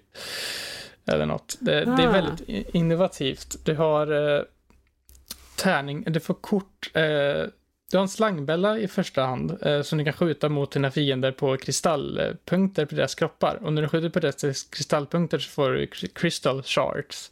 Och de här crystal shardsen bygger upp kort. Och så kan du använda kort från ditt däck eh, som du får där eh, och eh, attackera med de här, mm. eller använda de här som ett vapen till exempel, eller en bomb eller någonting. Så får du den här under ett tag. Och eh, Vapnet har en durability och när den går ut så måste du använda ett nytt kort. Precis som i Breath of the Wilds eh, vapensystem då. Eh, och eh, det är attack and slash i eh, stor grad. Så det, många kanske tänker att det här spelet, Lost in Random, ja, det måste ju vara någon slags eh, pusselspel. Och det är till sätt och vis, det finns lite så här små pussel, du kan styra den här dice att trycka på pressure plates och sånt åt dig och sådana saker. Och det finns lite sånt, men det är mycket combat, nästan mm. lite RPG-känsla i det. Det, mm. det, är väldigt unikt uh, av det jag har kört än så länge. Jag tycker att de har byggt upp en väldigt intressant värld här. All hail random, Precis. som de säger. Jag måste fråga, uh, vad tycker du om utseendet? För det här utseendet som spelet har har ju är... extrema vibbar av stop motion film alla Nightmare before Christmas och Coraline. Tänkte precis, jag tänkte oh. precis säga det. Jag får väldigt mycket Tim Burtons Nightmare before mm. Christmas vibbar av det här spelet. Det är verkligen Det har den, den gotiska stilen, stilen liksom. Och det tycker jag passar otroligt bra i det här spelet mm. faktiskt. Eh, det känns verkligen som uh, Ja, jag tycker att det här är, man vill ju ha nytänk i de här indie-titlarna och eh, det här är ett av de spelen eh, som har det här nytänket. Mm. Vi ser hur det håller sig längre fram med ja. storyn och så, men eh, av det jag har spelat nu som är ungefär två timmar så känns det ändå väldigt lovande. Mm. Det kanske är lite klumpigt med hur attackerna fungerar och sånt ibland och det kan vara lite så. Men eh, jag tycker att, ja, när man får mer kort sen kan jag tänka att det blir, för man kan få så här olika vapen, du kan få pilbågar, mm. du kan mm. få yxor, du kan få, så kan du eh, customisera ditt däck också i, till det du vill ha. Mm.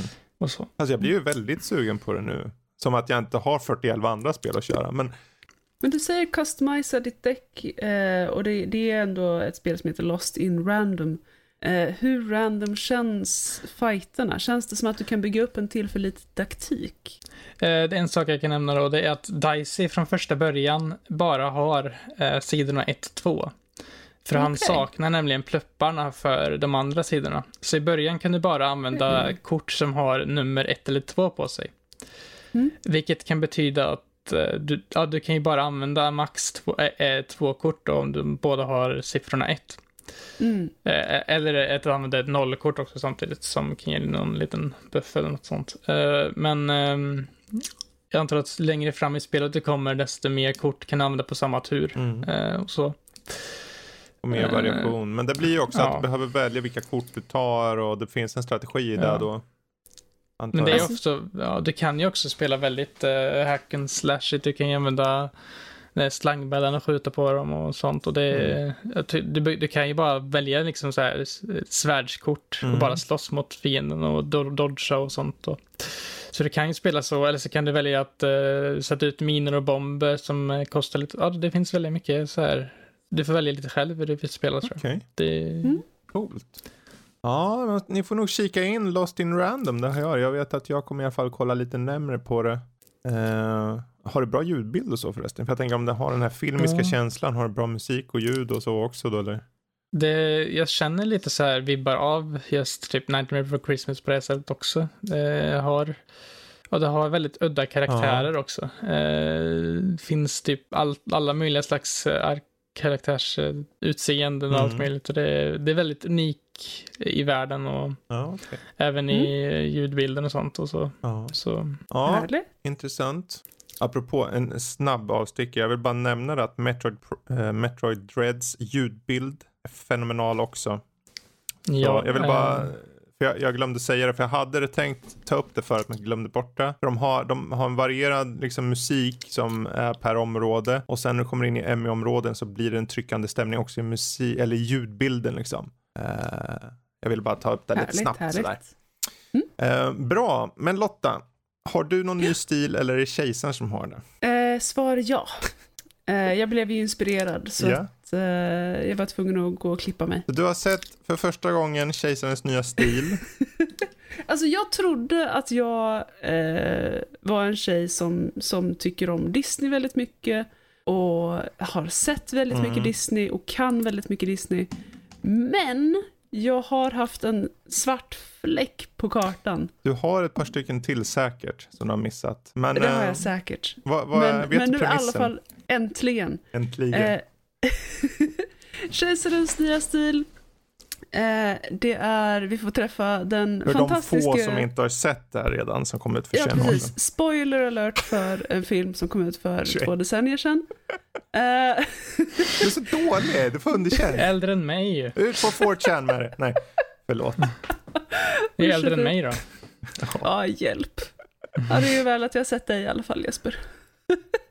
Eh, men det handlar, vi får träffa om den fantastiske, underbara och charmige kejsar eh, Cusco. Eh, som eh, rätteligen vet att världen kretsar kring honom och alla eh, ska känna sig hedrade att förtjäna honom. Eh, och eh, han inser ju vid ett tillfälle att hans rådgivare Ysma, den eh, fantastiskt fagra eh, ungmön Mm, eh, på 90 000 år, mm.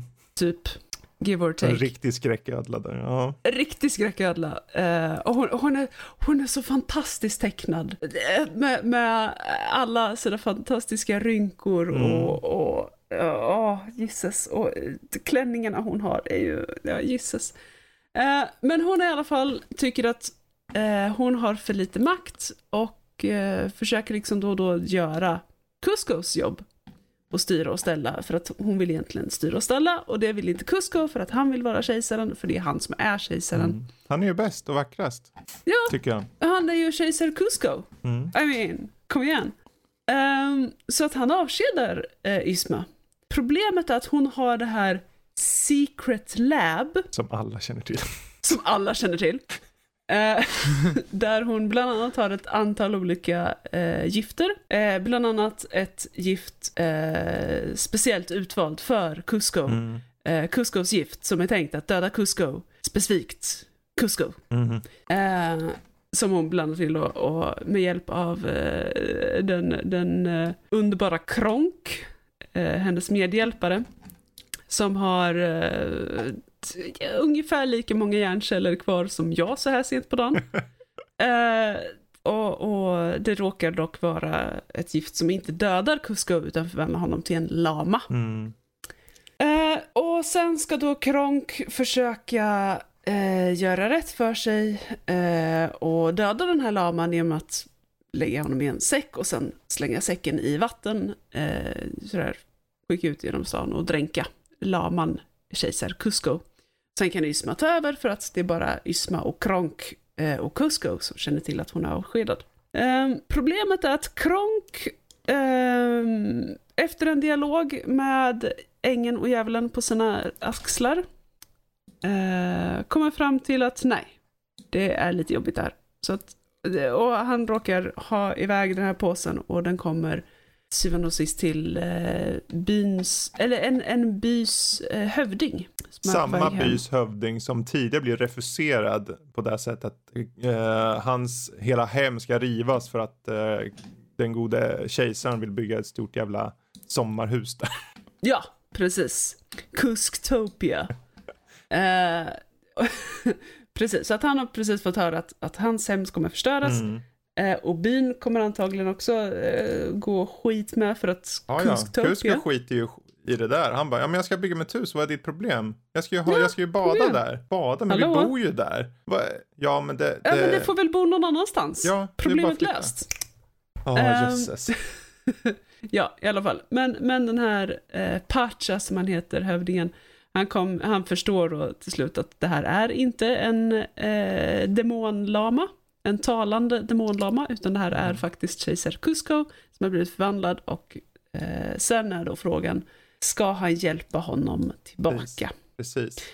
Eh, och eh, det här är en film med enorma mängder humor och glimten i ögat och så mycket självdistans. Men framförallt så är den så enormt härligt tecknad. Mm. För den här är alltså hand, handritad, handtecknad.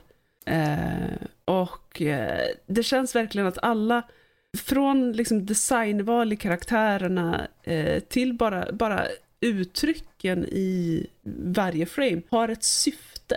Eh, och det, det är en stil som tar en tillbaka till någonstans där tiden mellan riktigt klassiska Disney-filmer som liksom Skönheten och odjuret och Ariel Eh, och aningen mer moderna inom situationstecken. Nu är jag en skräcködla också som tycker att 20 år sedan var inte så länge sedan. Eh, men, men typ moderna Disney-filmer som Mm. typ Hercules och, och Atlantis. Som hade en mer kantig, Mm. vass stil. Och Kejsarens nya stil hamnar då någonstans mitt emellan där. Emperor's Precis. New Groove på engelska. Ja. Eh, och den tilltalar mig, jag tycker om den. Den är lekfull, men den är inte... Och den, den är överdriven på, på ett för mig väldigt tilltalande sätt. Ett väldigt tillgängligt sätt. Precis. De bryter ju fjärde väggen och de kör lite fars och grejer och det. Ja, ja, ja. Och de Ja, vet om att de Jesus. gör det också. Men framtid, Ah. samtidigt så lyckas de etablera de etablerar karaktärerna så bra att du verkligen känner för Mm. dem. Eh, Det är för allihopa. precis. Till menar, och med okej. Ysma. Ja, ja, ja. Okej, Kronk eh, råkar vara min favorit. Han är Han allas är favorit. fantastisk. Det, jag, jag vet inte, det kan vara att han är så, så eh, jag kan relatera till honom. Eh, Squeak, squeaky till squeaky. Ja, ja, hjälp. när han pratar med Eh. jordekorrar eller vad det är för något. Ja, ja det, var, det var riktiga ekorrar, eller Ja. riktiga, vanliga ekorrar. Precis. Eh, för det är klart att han kan prata med ekorrarna. Ehm, Men, och, och det är också någonting som skiljer den från väldigt många andra Disney-filmer. Den har väldigt få contemporary references. Den, den, eh, och det tror jag kommer göra att den inte blir omodern på samma sätt Mm. som vissa kommentarer i till exempel Aladdin. Mm. För att Aladdin är i mina ögon en fantastisk film. Robbie Williams som anden är helt otrolig på så många sätt det han gör med den karaktären. Men det är väldigt många nutida kommentarer Mm. som gör att om man inte upplevde den tiden så tror jag att man missar väldigt Den mycket av förankrar ju filmen. Aladdin till en viss tid där de skämten, eller vissa av de skämten liksom Mm. tar sig an personlighet från den tiden. Precis. Eh, Och det känner jag inte det att, eh, nej precis, det känner jag inte att New Groove gör, utan den har den här, som du säger, de här farselementen Mm. och, och fjärde väggen-grejen. Eh, och, och med den här jäveln och ängen på eh, Kronks axlar. Eh, You know? Ja. Hey, he's got a point. Ehm, det, det är, eh, den blir tidlös på ett annat sätt. Så att okej, den kom ut för 21 år sedan, men ändå så känner jag mig inte hiskeligt sen till partyt här. Nej. Och det är lite coolt. Ja, jag såg om den här och jag kom på mig själv att attan var bra den här. Det här är en av mina favoriter. Ja, jag förstår dig. Det, ja, det är ju en enkel premiss egentligen. Eller ja, enkel och enkel, det beror på hur man ser på det. Men i, i grunden med att han blir förvandlad blir, han vill bli tillbaka till människa. Sen att han råkar vara den mest egocent, egocentriska idiot som någonsin existerat. ja, det gör det hela lite roligare. Ska han verkligen få det? Liksom? Är det inte bättre om man bara dör? Mm, Och så kan en kompetent ledare som, well, förhoppningsvis Ysma inte sämre i alla fall, ja, ta över. Ysma. Ehm, ja, nej. Kul att höra att du tar upp det. Det är bra att ta upp de här äldre. Vi får sätta lite fler eh, filmer som du har missat på dig och få höra Ja, låter bra. om. Men eh, Disney för alla åldrar, eh, för alla intressen. Vart lägger sig den här? Ligger den i mitten av din skala av filmer? Lägre? Övre? Den ligger, den ligger i övre delen. Okej. Eh, definitivt. Mm. Och bland annat för att den är så tidlös. Eh, den, har, den har en sån ren och rak och ärlig humor Mm. och, och ett, ett hantverk. Bra röster också. I alla fall i Åh, eng- engelska utgåvan som, som du har sett Ja. då antar jag. Precis, precis. Eh, ja, precis. Jag ser nästan uteslutande engelska utgåvor Mm. av, eh, av tecknat numera. Om det inte är japanskt tecknat så ser jag det ofta. Sweet. Eh, eh, subbed, not stubbed. Då så. Eh, Men ja, det var lite om eh, Emperor's New Groove, Mm. känns deras nya stil. Ja. Ehm, bra, jag tänkte om jag ska dra lite, jag vet inte om någon annan, för du har ju inte kört Far Cry 6 Lotta, och du har inte hunnit Jesper än va? Nej, ja, nej, det får senare bli. Ja, men, Men eh, du däremot, jag har Fredrik, magnat ett gäng timmar, eh, har jag redan hunnit. Och när var jag, de små svårmanglade? nej, eh, mest för att jag, kon- konceptet sitter ju där. Det, man vet ju konceptet från start. Det här är ju, det här är Ubisoft direkt, du pluppar på kartan och du ska avverka dem. Men, Mm. den här gången så tar det ju plats i en slags karibisk ö som heter Jara. Och det är inspirerat av Kuba. De nämner till och med Kuba och så. Eh, Mm. Problemet är att det styrs då av presidenten Anton Castillo, spelad av Giancarlo Esposito. Han är en sån här fascist och allting han gör är såklart till för eh, landets bästa. Han vill ju eh, göra paradiset som på jorden. Tyvärr är ju att de som inte tycker så, ja, de dödas ju bara. Eh, och samtidigt så har de ju en mängd olika typer av växter som är specifikt på den här ön som är, som är väldigt bra för, för läkande och, och saker och så. Så det är en av deras största eh, naturtillgångar. Tyvärr är det också väldigt farliga växter som får folk, alltså det, det är poisonous deluxe och så, så folk som arbetar med det, de, de blir ju tvingade till det och de dör. Det är, det är superfascistiskt. Och det här är nog första gången jag ser Ubisoft på riktigt ta upp eh, någonting som, ja, ärligt talat tror jag, ja, det här spelet har nog väldigt stora problem att sälja på Kuba. Eh, eller i någon fasciststat egentligen, eller fascistar, jag vet inte om de ens har en. Men just den här, där det finns en enkel, en enda ledare, en despot. Eh, och han är ju fantastiskt brutal och eh, har eh, framförallt då en son som är tvärtom. Och här har vi då Oh. lite av berättelsen sett till bad guysen och eh, bad guysens son då som snarare har compassion då, med medkänsla och så för folk. Eh, du, men spelet är ju Far Cry. Och du spelar ju inte som presidenten utan du spelar som tjejen eller killen Danny som är då en tjej som bara vill, jag kör som tjejen då, som ta, vill ta det från ön och åka till Amerika liksom. Och, och kunna leva istället för förtrycket som är här. Men saker och ting händer och hon får gå med i gerillan. Och det är en gerillas berättelse. Hon är supertom och ytlig. Precis som man kan anta att det skulle vara för det är ett spel du liksom bara ska kunna placera dig själv i karaktären snarare. Eh, tyvärr så är det att det är väldigt over the top sidokaraktärer. Precis som vanligt så brukar de alltid ha i Far Cry väldigt tydliga så här, kar- karaktärer som du träffar med. Eh, Mm. Men här blir det lite over the top. De, är så, de ska vara nästan för sakens skull helt knäppa i bollen så. Mm. Ehm, Ja. jag tror det, det är dock så här, det är nog lite så här en smaksak såklart. För vissa kommer tycka att de är skitroliga och vissa kommer tycka att de är bara töntiga så. Eh, men grunden i hela spelet är såklart att du ska frigöra landet mer eller mindre. Du ska ta dig ut till olika camps, ta, ta ut de här folken, folket som finns där eh, och du har mängder med vapen och du har amigos. Och då, vad är då en amigo? Ja, först får du en amigo och det är en, en krokodil som du har med dig. Som du kan bussa på folk. Just det. Eh, du kan byta utseende på den. Du kan ha den så här i lite 80-talston med lite turkost på sig. Eller så kan du byta, för den har kläder såklart. Eh, Of guap- course. Jag kommer inte ihåg vad den heter, guapo eller någonting. Ehm, Jag menar, alligatorn kan ju inte vara naken. nej, nej, nej. Och du bussar på. Det, det är riktigt kul när du bussar på. Och du får ju, ju mer du gör det så kan du låsa upp saker för din Amigo. Eh, längre fram så får du fler Amigon. Jag eh, har till exempel en vit leopard och jag har chorizo, en liten eh, dachshund, eller vad det heter. en sån här liten wiener idag. En, en tax. En tax. Det är klart att taxen heter chorizo. of course. Of course. Han kan leta upp grejer istället. Han kan liksom gräva små hål och hitta så här gömmor med vapen, ammunition eller eh, specialdelar och så.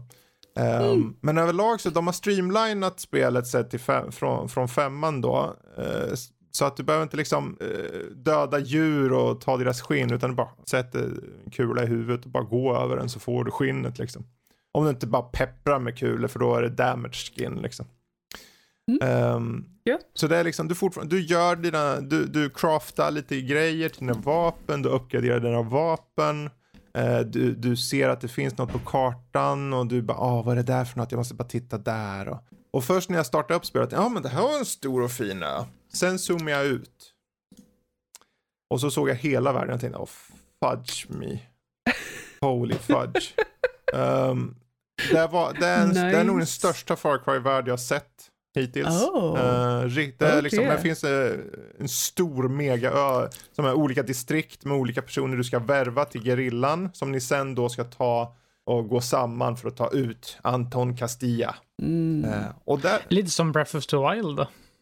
Där med att du ska få champions med din sida och sånt. Mm. Ja. Att de här divine Precis. beasts som typ dödar slutet. man ska få Ja. tillsammans ett gäng liksom så att gerillan blir stark eller din, din armé så att säga.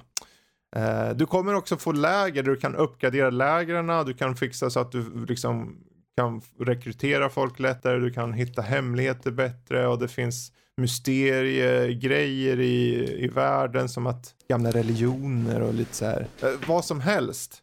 Som vanligt, det finns massor med grejer. Är det nytt? Nej. Har ni spelat Far Cry så vet ni ungefär vad det är. Det som står ut är just att de på en, för en gångs skull tar en ställning på ett sätt. För om de visar den här despoten på det här sättet så är den tydlig så här, det här är dåligt. För han är eh, ett as. Han är ett härligt as när han väl är med. Han är så jävla bra skådespelare den där killen.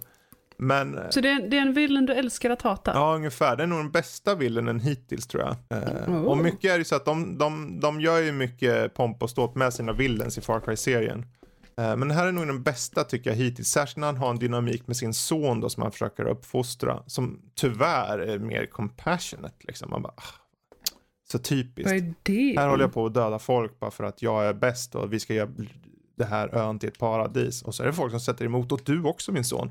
Eh, Medan tyvärr är det ju att de andra karaktärerna, de, den du spelar som, hon är ju, hon har ju ingen karaktär. Hon, även om hon försöker få henne att vara en karaktär så blir hon bara tråkig. Så, oavsett om det är en tjej eller kille så kommer de förmodligen, för det är ju samma liksom Mm. berättelser som sker. De är tyvärr inte några rollspel på det här sättet att det liksom varieras, utan det är gameplayet i, i fokus. Har du all, fördelen med Far Cry, om du aldrig har kört ett Far Cry, då kan du börja här. För Det- de har ju inte Det är någon, jag ska göra. vad bra. De har ju, Jag har aldrig kört Far Cry. Jättebra. Eh, de har ju ingen kontinuitet med varandra. Utan eh, de är ju alla enskilda. Det finns vissa element som går över. Men det är någon sidokaraktär här och var. Överlag så kan du ta an vilket Far Cry som helst. Bara kolla vilken setting som du tycker låter intressant och så kör du där bara. I och med att det här är den senaste så är den lite mer streamlinad. Eh, så det kan vara en bra start. Faktiskt. Jag kan inte säga så mycket. Jag har kört typ 8-9 timmar. Eh, och kommit en bra bit. Men berättelsen ser ut att utnyttja de här despoten mer. Så jag hoppas att det kommer ha ett, eh, ett bra slut. Eh, någonting som känns lite annorlunda. Jag hoppas det. Vet du ungefär hur långt det är? Rent storymässigt är det faktiskt ganska kort. Om du kör prick på storyn så har jag för mig att det var typ 8 till 12 timmar någonting. Oj, Men, det lät väldigt lite. ja, men det här är ju Far Cry, så kör du completionist är det 60 plus. Oj. Ja, det var Ja, men lite det är, då är det ju Breath of the Wild, verkligen. Mm. Då är det typ nästan samma princip Precis. där. Här, Om det går att göra standard, story main story 17 timmar. Står det. Ja, Eh, Men det är fortfarande ganska kort, för det är tre gånger så långt om du kör completionist. Uh, vilket säger en del. Eh, men det är så typiskt, för det är så mycket Härligt. saker att hitta och allting. Det har det där konceptet redan tagit. Jag hoppas kunna kommer du köra completionist? Vi får se. Det beror på. Jag känner att det blir lite same same till slut. Kanske. Eh, Just nu är det ju roligt mest för att, ja, ah, där borta går en soldat. Jag ska ta min pilbåge. Eller du, jag fick ett vapen där man skjuter enorma så här, eh, CD-skivor? vad sa du? LP-skivor eller? Ja, det är CD-skivor, den finns också. Så här Macarena-skivor. Som, Eh. Macarena, och så skjuter den iväg en skiva och bara. Uh, Men jag har någon sån här impaler-pistol så man kan liksom skjuta iväg någon järnrör eller vad det är för någonting. Och du ser gubben bara fastna mot en vägg. nice. Ja. Annars, det största problemet jag har egentligen att har inte det här redan gjorts det här spelet? Och heter det inte Just Cause? Mm. Du kan glidflyga, du har en op- open world och där på någon slags tropikliknande ställe med en despot. Det är ju så de gjorde. Det enda skillnaden är att det här har lite mer fokus på crafting och sånt och en annorlunda, eh, mycket mer fokus på bad guyen. Oh well, oh well. Bra. Eh, jag tänkte vi ska hoppa över till dig Jesper. Jag är nyfiken på den Nickelodeon All-Star Brawl nämligen. Ja. Uh, Nickelodeon All-Star Brawl är ju mer eller mindre en eh, ett Super Smash Bros-klon i princip. En eh, så här, eh, platform fighter. Mm. Eh, utvecklat av ett gäng i Skövde faktiskt, som gör spelmekaniken. Uh, Ludosity, som har gjort eh, ett annat spel tidigare som heter Slap City. Men nu har de fått med eh, Nickelodeon Mhm. och den licensen på sin sida. Eh, Så du kan ju spela karaktärer som Svampbob, Patrik, Ang från Avatar, eh, Nice. typ Donatello, äh, inte, eh, Michelangelo, Leonardo och April O'Neil. Eh, April O'Neil är min favorit hittills. Eh, och ja, pre- premissen är precis som i Smash Bros. Du ska bygga upp procent på motståndaren och smasha dem av banan med en stor attack. Här är det dock lite annorlunda grejer. Du kan, när du grabbar folk så kan du bära runt på dem innan du kastar iväg dem. Eh, och sen eh, finns det både starka attacker, i Smash kan du göra sådana kallade smash-attacker, sådana starka attacker bara på marken. Men här kan du göra de attackerna i luften också. Mm. Vilket också är en liten unik touch här. Eh, det har rollback netcode. Oh, ja. Jag tänkte något precis som- fråga om det. För jag har hört att den ha, ska ha en ganska bra sådan. Det har Mm. funkat bra hittills, eh, rätt, i alla fall mot, eh, någon gång var det någon som hade typ så här 500 ms eller Ja, någonting. Jag okej. mötte, jag vet inte, det var som att man Wow. Men då blev det liksom, de teleporterade sig runt Ja. så här. Ja, ja, ja. Nej, då är det... Eh, Men det är ju deras jag, fel då liksom. Det är ju inte spelets fel. Ja, nej, då lämnade jag matchen. Mm. Mm. Jag klarar det inte. Det, ja, men det är Men det enda att eh, ja. Sen har den väldigt mycket sådana saker som eh, jag tror många Super Smash Bros. Melee-fans, eh, det här gamla spelet kommer bli väldigt nöjda över. Och det är att den har eh, så här wave dashing, en avancerad teknik som kommer därifrån. Och så har den eh, massa sånt. Och det innebär att man dashar i luften så här, Mm. hoppar typ fram, hoppar jättekort och sen typ dashar så du får mer momentum när du går runt liksom. Eh, blir svårare att få det. Det är ett snabbare tempo än till exempel Super Smash Bros Ultimate. Det blir mycket så här juggling i luften Mm. med karaktärer och sånt. Det som jag känner, kändes lite så här det märks lite tydligt att de kanske inte fick den största budgeten med det här spelet. För det är eh, typ inte så jättemycket, det är inte så mycket lines och sånt som är voiceat och så. Det finns ett arkadläge eh, som är väldigt, väldigt basic. Och det är det enda single player-grejen som finns i det här spelet. Och då möter du sju, eh, sju fiender i rad på banor. Ehm, och eh, de banorna är helt slumpmässiga känns det som.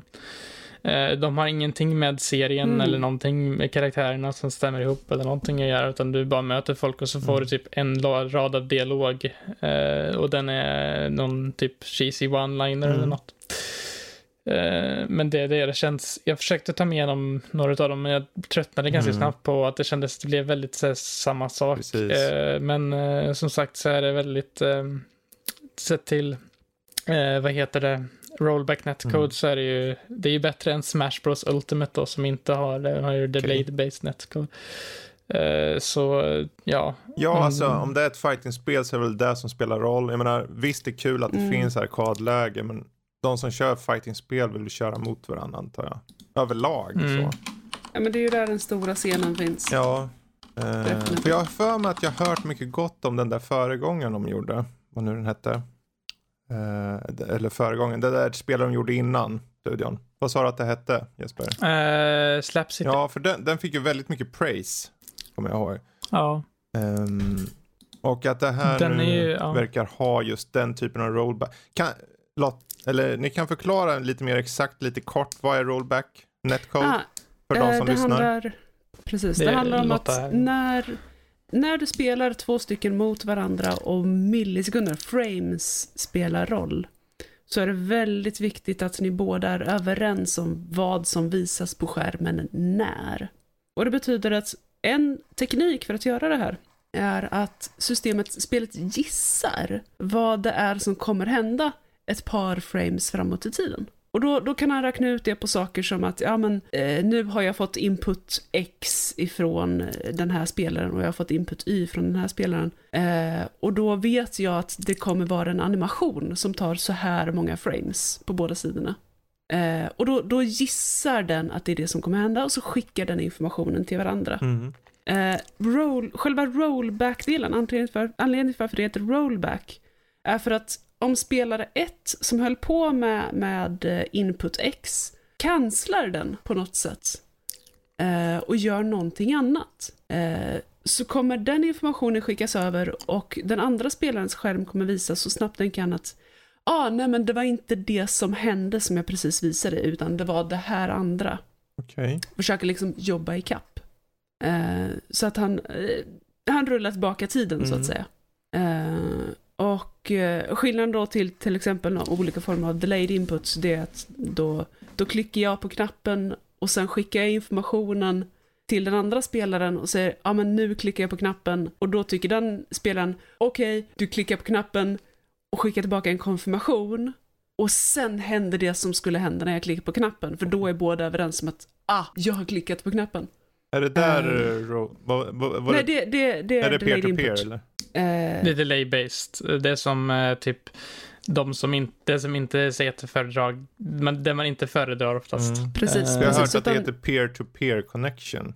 Ja, Ja, är oftast använder man en peer-to-peer eh, när man har den typen av, av eh, teknik. Det handlar mer om hur, eh, hur datorerna kommunicerar. Kommunicerar via en server Okej. eller kommunicerar de direkt. Men eh, okej, bra. Men, men som sagt, rollback, då, Mm. då gissar båda Mm. enheterna vad som kommer hända. Och sen rullar man tillbaka tiden när man gissade fel. Okej.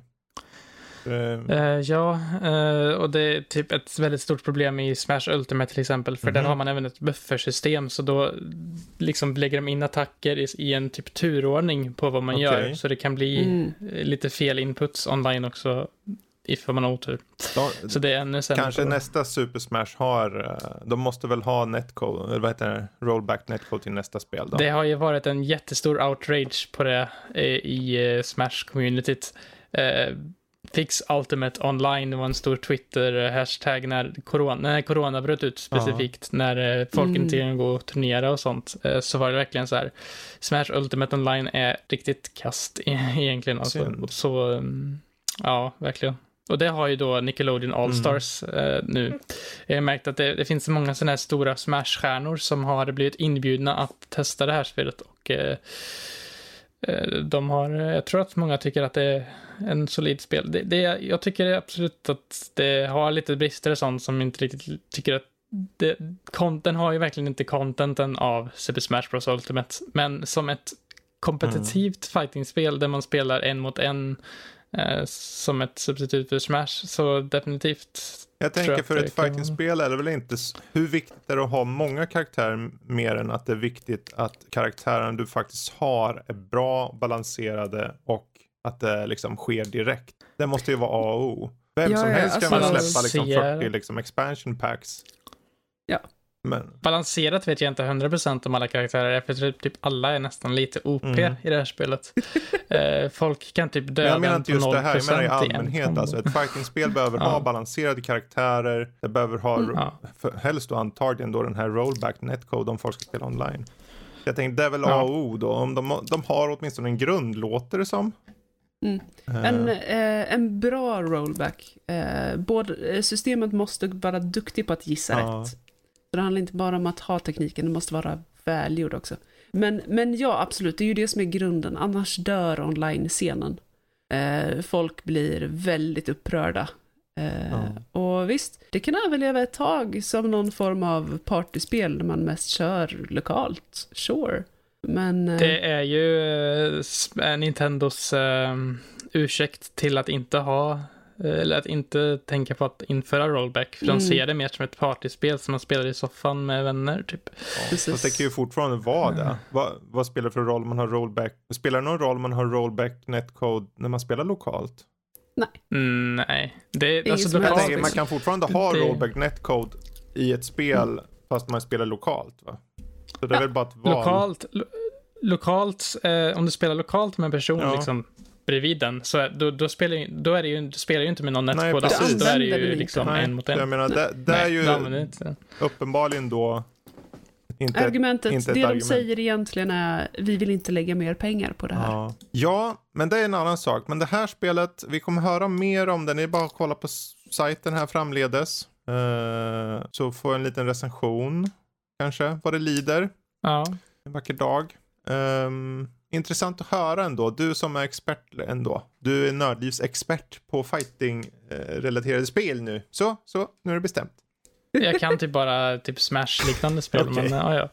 Ja, ja, men det är alltid Eh, något. Typ Guilty Gear. Fråga, om du har typ frågar om Guilty Gear eller något, Mm. så fråga Max Street Lotta. Fighter.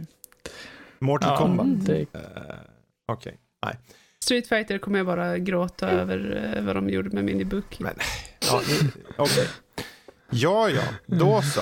Ehm, jag funderar på om jag ska ta en sista grej och det är bara Candyman. Så tar vi sen och rundar av. Jag tänker vi tar, eh, vi tar Diablo 2 Resurrected för våra Patreon. Så om ni blir Patreon, en 50-lapp i månaden, så får ni inte bara massa content vad gäller de här poddarna i videoformat och lite extra långa och så. Ni får även 41 härliga specialsaker gjorda av Emil och Matte och sånt som bara finns där.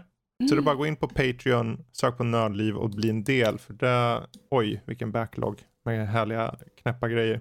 Plus alla tierlists. Eh, Oj, ja du. jag kan ju säga det att vi gjorde faktiskt ett par tierlists här nyligen. En var jag och Matte som gjorde en tierlist på bästa Disneyprinsessa. Nice, Ehm. nice. Vem var det som vann? Vågar du spoila det? Nej, det får ni faktiskt titta och se själva, känner jag. Mm. Jag är hård. Ja, Det är bara Dum, en, dum, men det är så här, vi satte, oh, prins- prinsessor. Eh, Det låter som ni hade det Ja, jättemysigt. vi hade det mysigt. Vad som också är kanske mysigt, det är ju lite skräck. Eh, beroende på hur man ser det på skräck. Candyman nu som släpptes är ju en uppföljare indirekt till originalfilmerna. Eh, den kan ses som en som en reboot på ett sätt också. Men eh, överlag så är det då en fortsättning. Och det här handlar då om en, eh, eh, en konstnär som eh, lite fast då i sitt artisteri. Han vet inte vad han ska måla och så. Han försöker få inspiration. Och han tar reda på den här eh, urbana sägnen om Candyman. För det finns ett område i eh, Chicago då där eh, säger man Candyman fem gånger så framkallar man honom och man kommer dö då. Eh, givetvis tror han inte på det här. Eh, skillnaden från, och det här är egentligen premissen, jag behöver inte säga så mycket mer. Han tar sig till områden, han får såklart kontakt med en viss ande, men är det en ande eller inte en ande, vad händer? Mord sker och de sker på brutala sätt.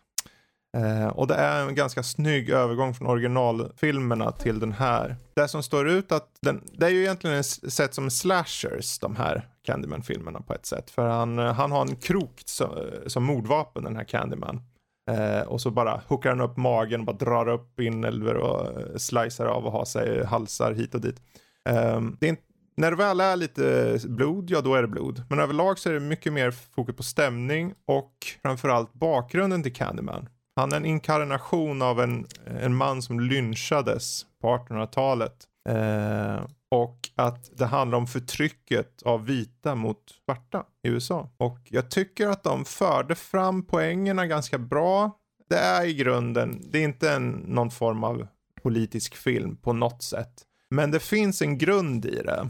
Där de faktiskt har en ton av just förtrycket och framförallt just poliser mot svarta i USA och så. Som jag tycker, ja men det är bra.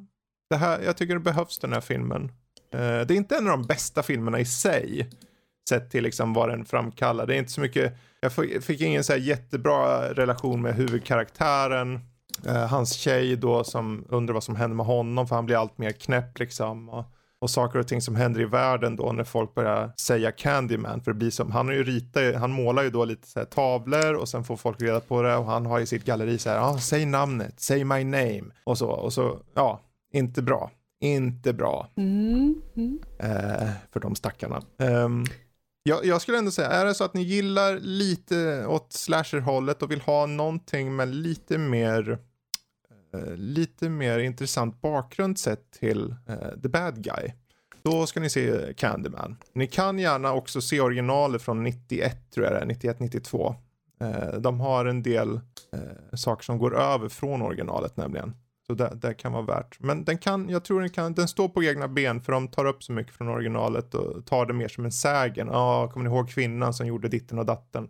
Och så är det ju då hon mm. från första filmen. Så Candyman. Alltså det låter väldigt intressant, mm. men det är en oroväckande brist på godis i det du berättar. Han håller lite godis. det är därför urs du kan fråga honom. ursprungligen... Så... Fråga honom så kanske jag får ja, lite. fråga honom så får du lite. På 4chan. Nej, det var ett jävla tjat om 4chan. han, han lurar ju till sig eh, folk, liksom så här, eller ungar. Eller gör han det? Ni får titta filmen. Någon gör det i alla fall med godis. Ja, alltså, men skulle han stå där med en näve godis just nu så, en näve godis och en krok, körd. En krok som hand eh, i andra hand, armen mm. så. Uh, Pjäs till godis, jag är körd. Mm. Jag är ledsen. Du ser inte kroken, ta bara godiset. Japp. Gud. Ja, ja, med det sagt, vi kommer för, än en gång, för vill ni höra mer särskilt från Lotta nu så blir det mer snack i, i det förlängda avsnitt som finns i videoformat på Patreon. Eh, men här sätter vi en annan stopp för dagens avsnitt. Men innan vi går ska jag bara dra till med veckans Discord-fråga. Nu när vi ändå var så glada i hågen vad gäller Metroid Dread så varför inte ha bästa Metroidvania-spelet? Undrar om vi ska skippa Metroid-spel bara för att det ska vara snällt mot de andra. Eller ha med Dread bara för att, eftersom att den är ny. Men tror du folk har hinner kört det? Ja, det handlar om distans tror jag. För om folk nu kör, så här är det. Kör du ett spel nu och du har precis köpt det, då kommer det vara världens bästa spel tror jag. Å andra sidan, det är kanske. ganska kaxigt att säga att vi tar bort Metroid så de andra har en chans. Ja. ja. Ja, vi, kan, vi kanske ska med, ha, vilken är typ, den bästa av de föregångande, fång, föregångarna? Många säger ju Super Metroid. Den ska så... vi ha med. Den ska vi ha med. Mm. Så ska jag leta upp en gäng andra spel. Kanske ha med Dread också. För skojs skull. Det är inte, det är inte hugget i sten det där. Det blir vad det blir. Men äh, bästa Metroidvania-spel finns som Discord-fråga inom kort. Uh, och Discord, hur når man den då Lotta? Man kan till exempel gå in på vår uh, eminenta hemsida, nördliv.se. Eh, leta upp en symbol som ser misstänkt likt Discord-loggan ut. Mm. Klicka på den och göra som knapparna säger när ja, de dyker upp. Precis. Precis, så enkelt är det. Finns en bild, finns även en stor fyrkant så det står bara connect också lite längre ner. Mm. Så det finns många möjligheter. Till och med min mamma skulle klara det. Till och med din mamma. Skulle hon vara på 4chan? Tror du det? Oh jisses, jag hoppas inte det. Åh oh, hjälp. Ja, ja.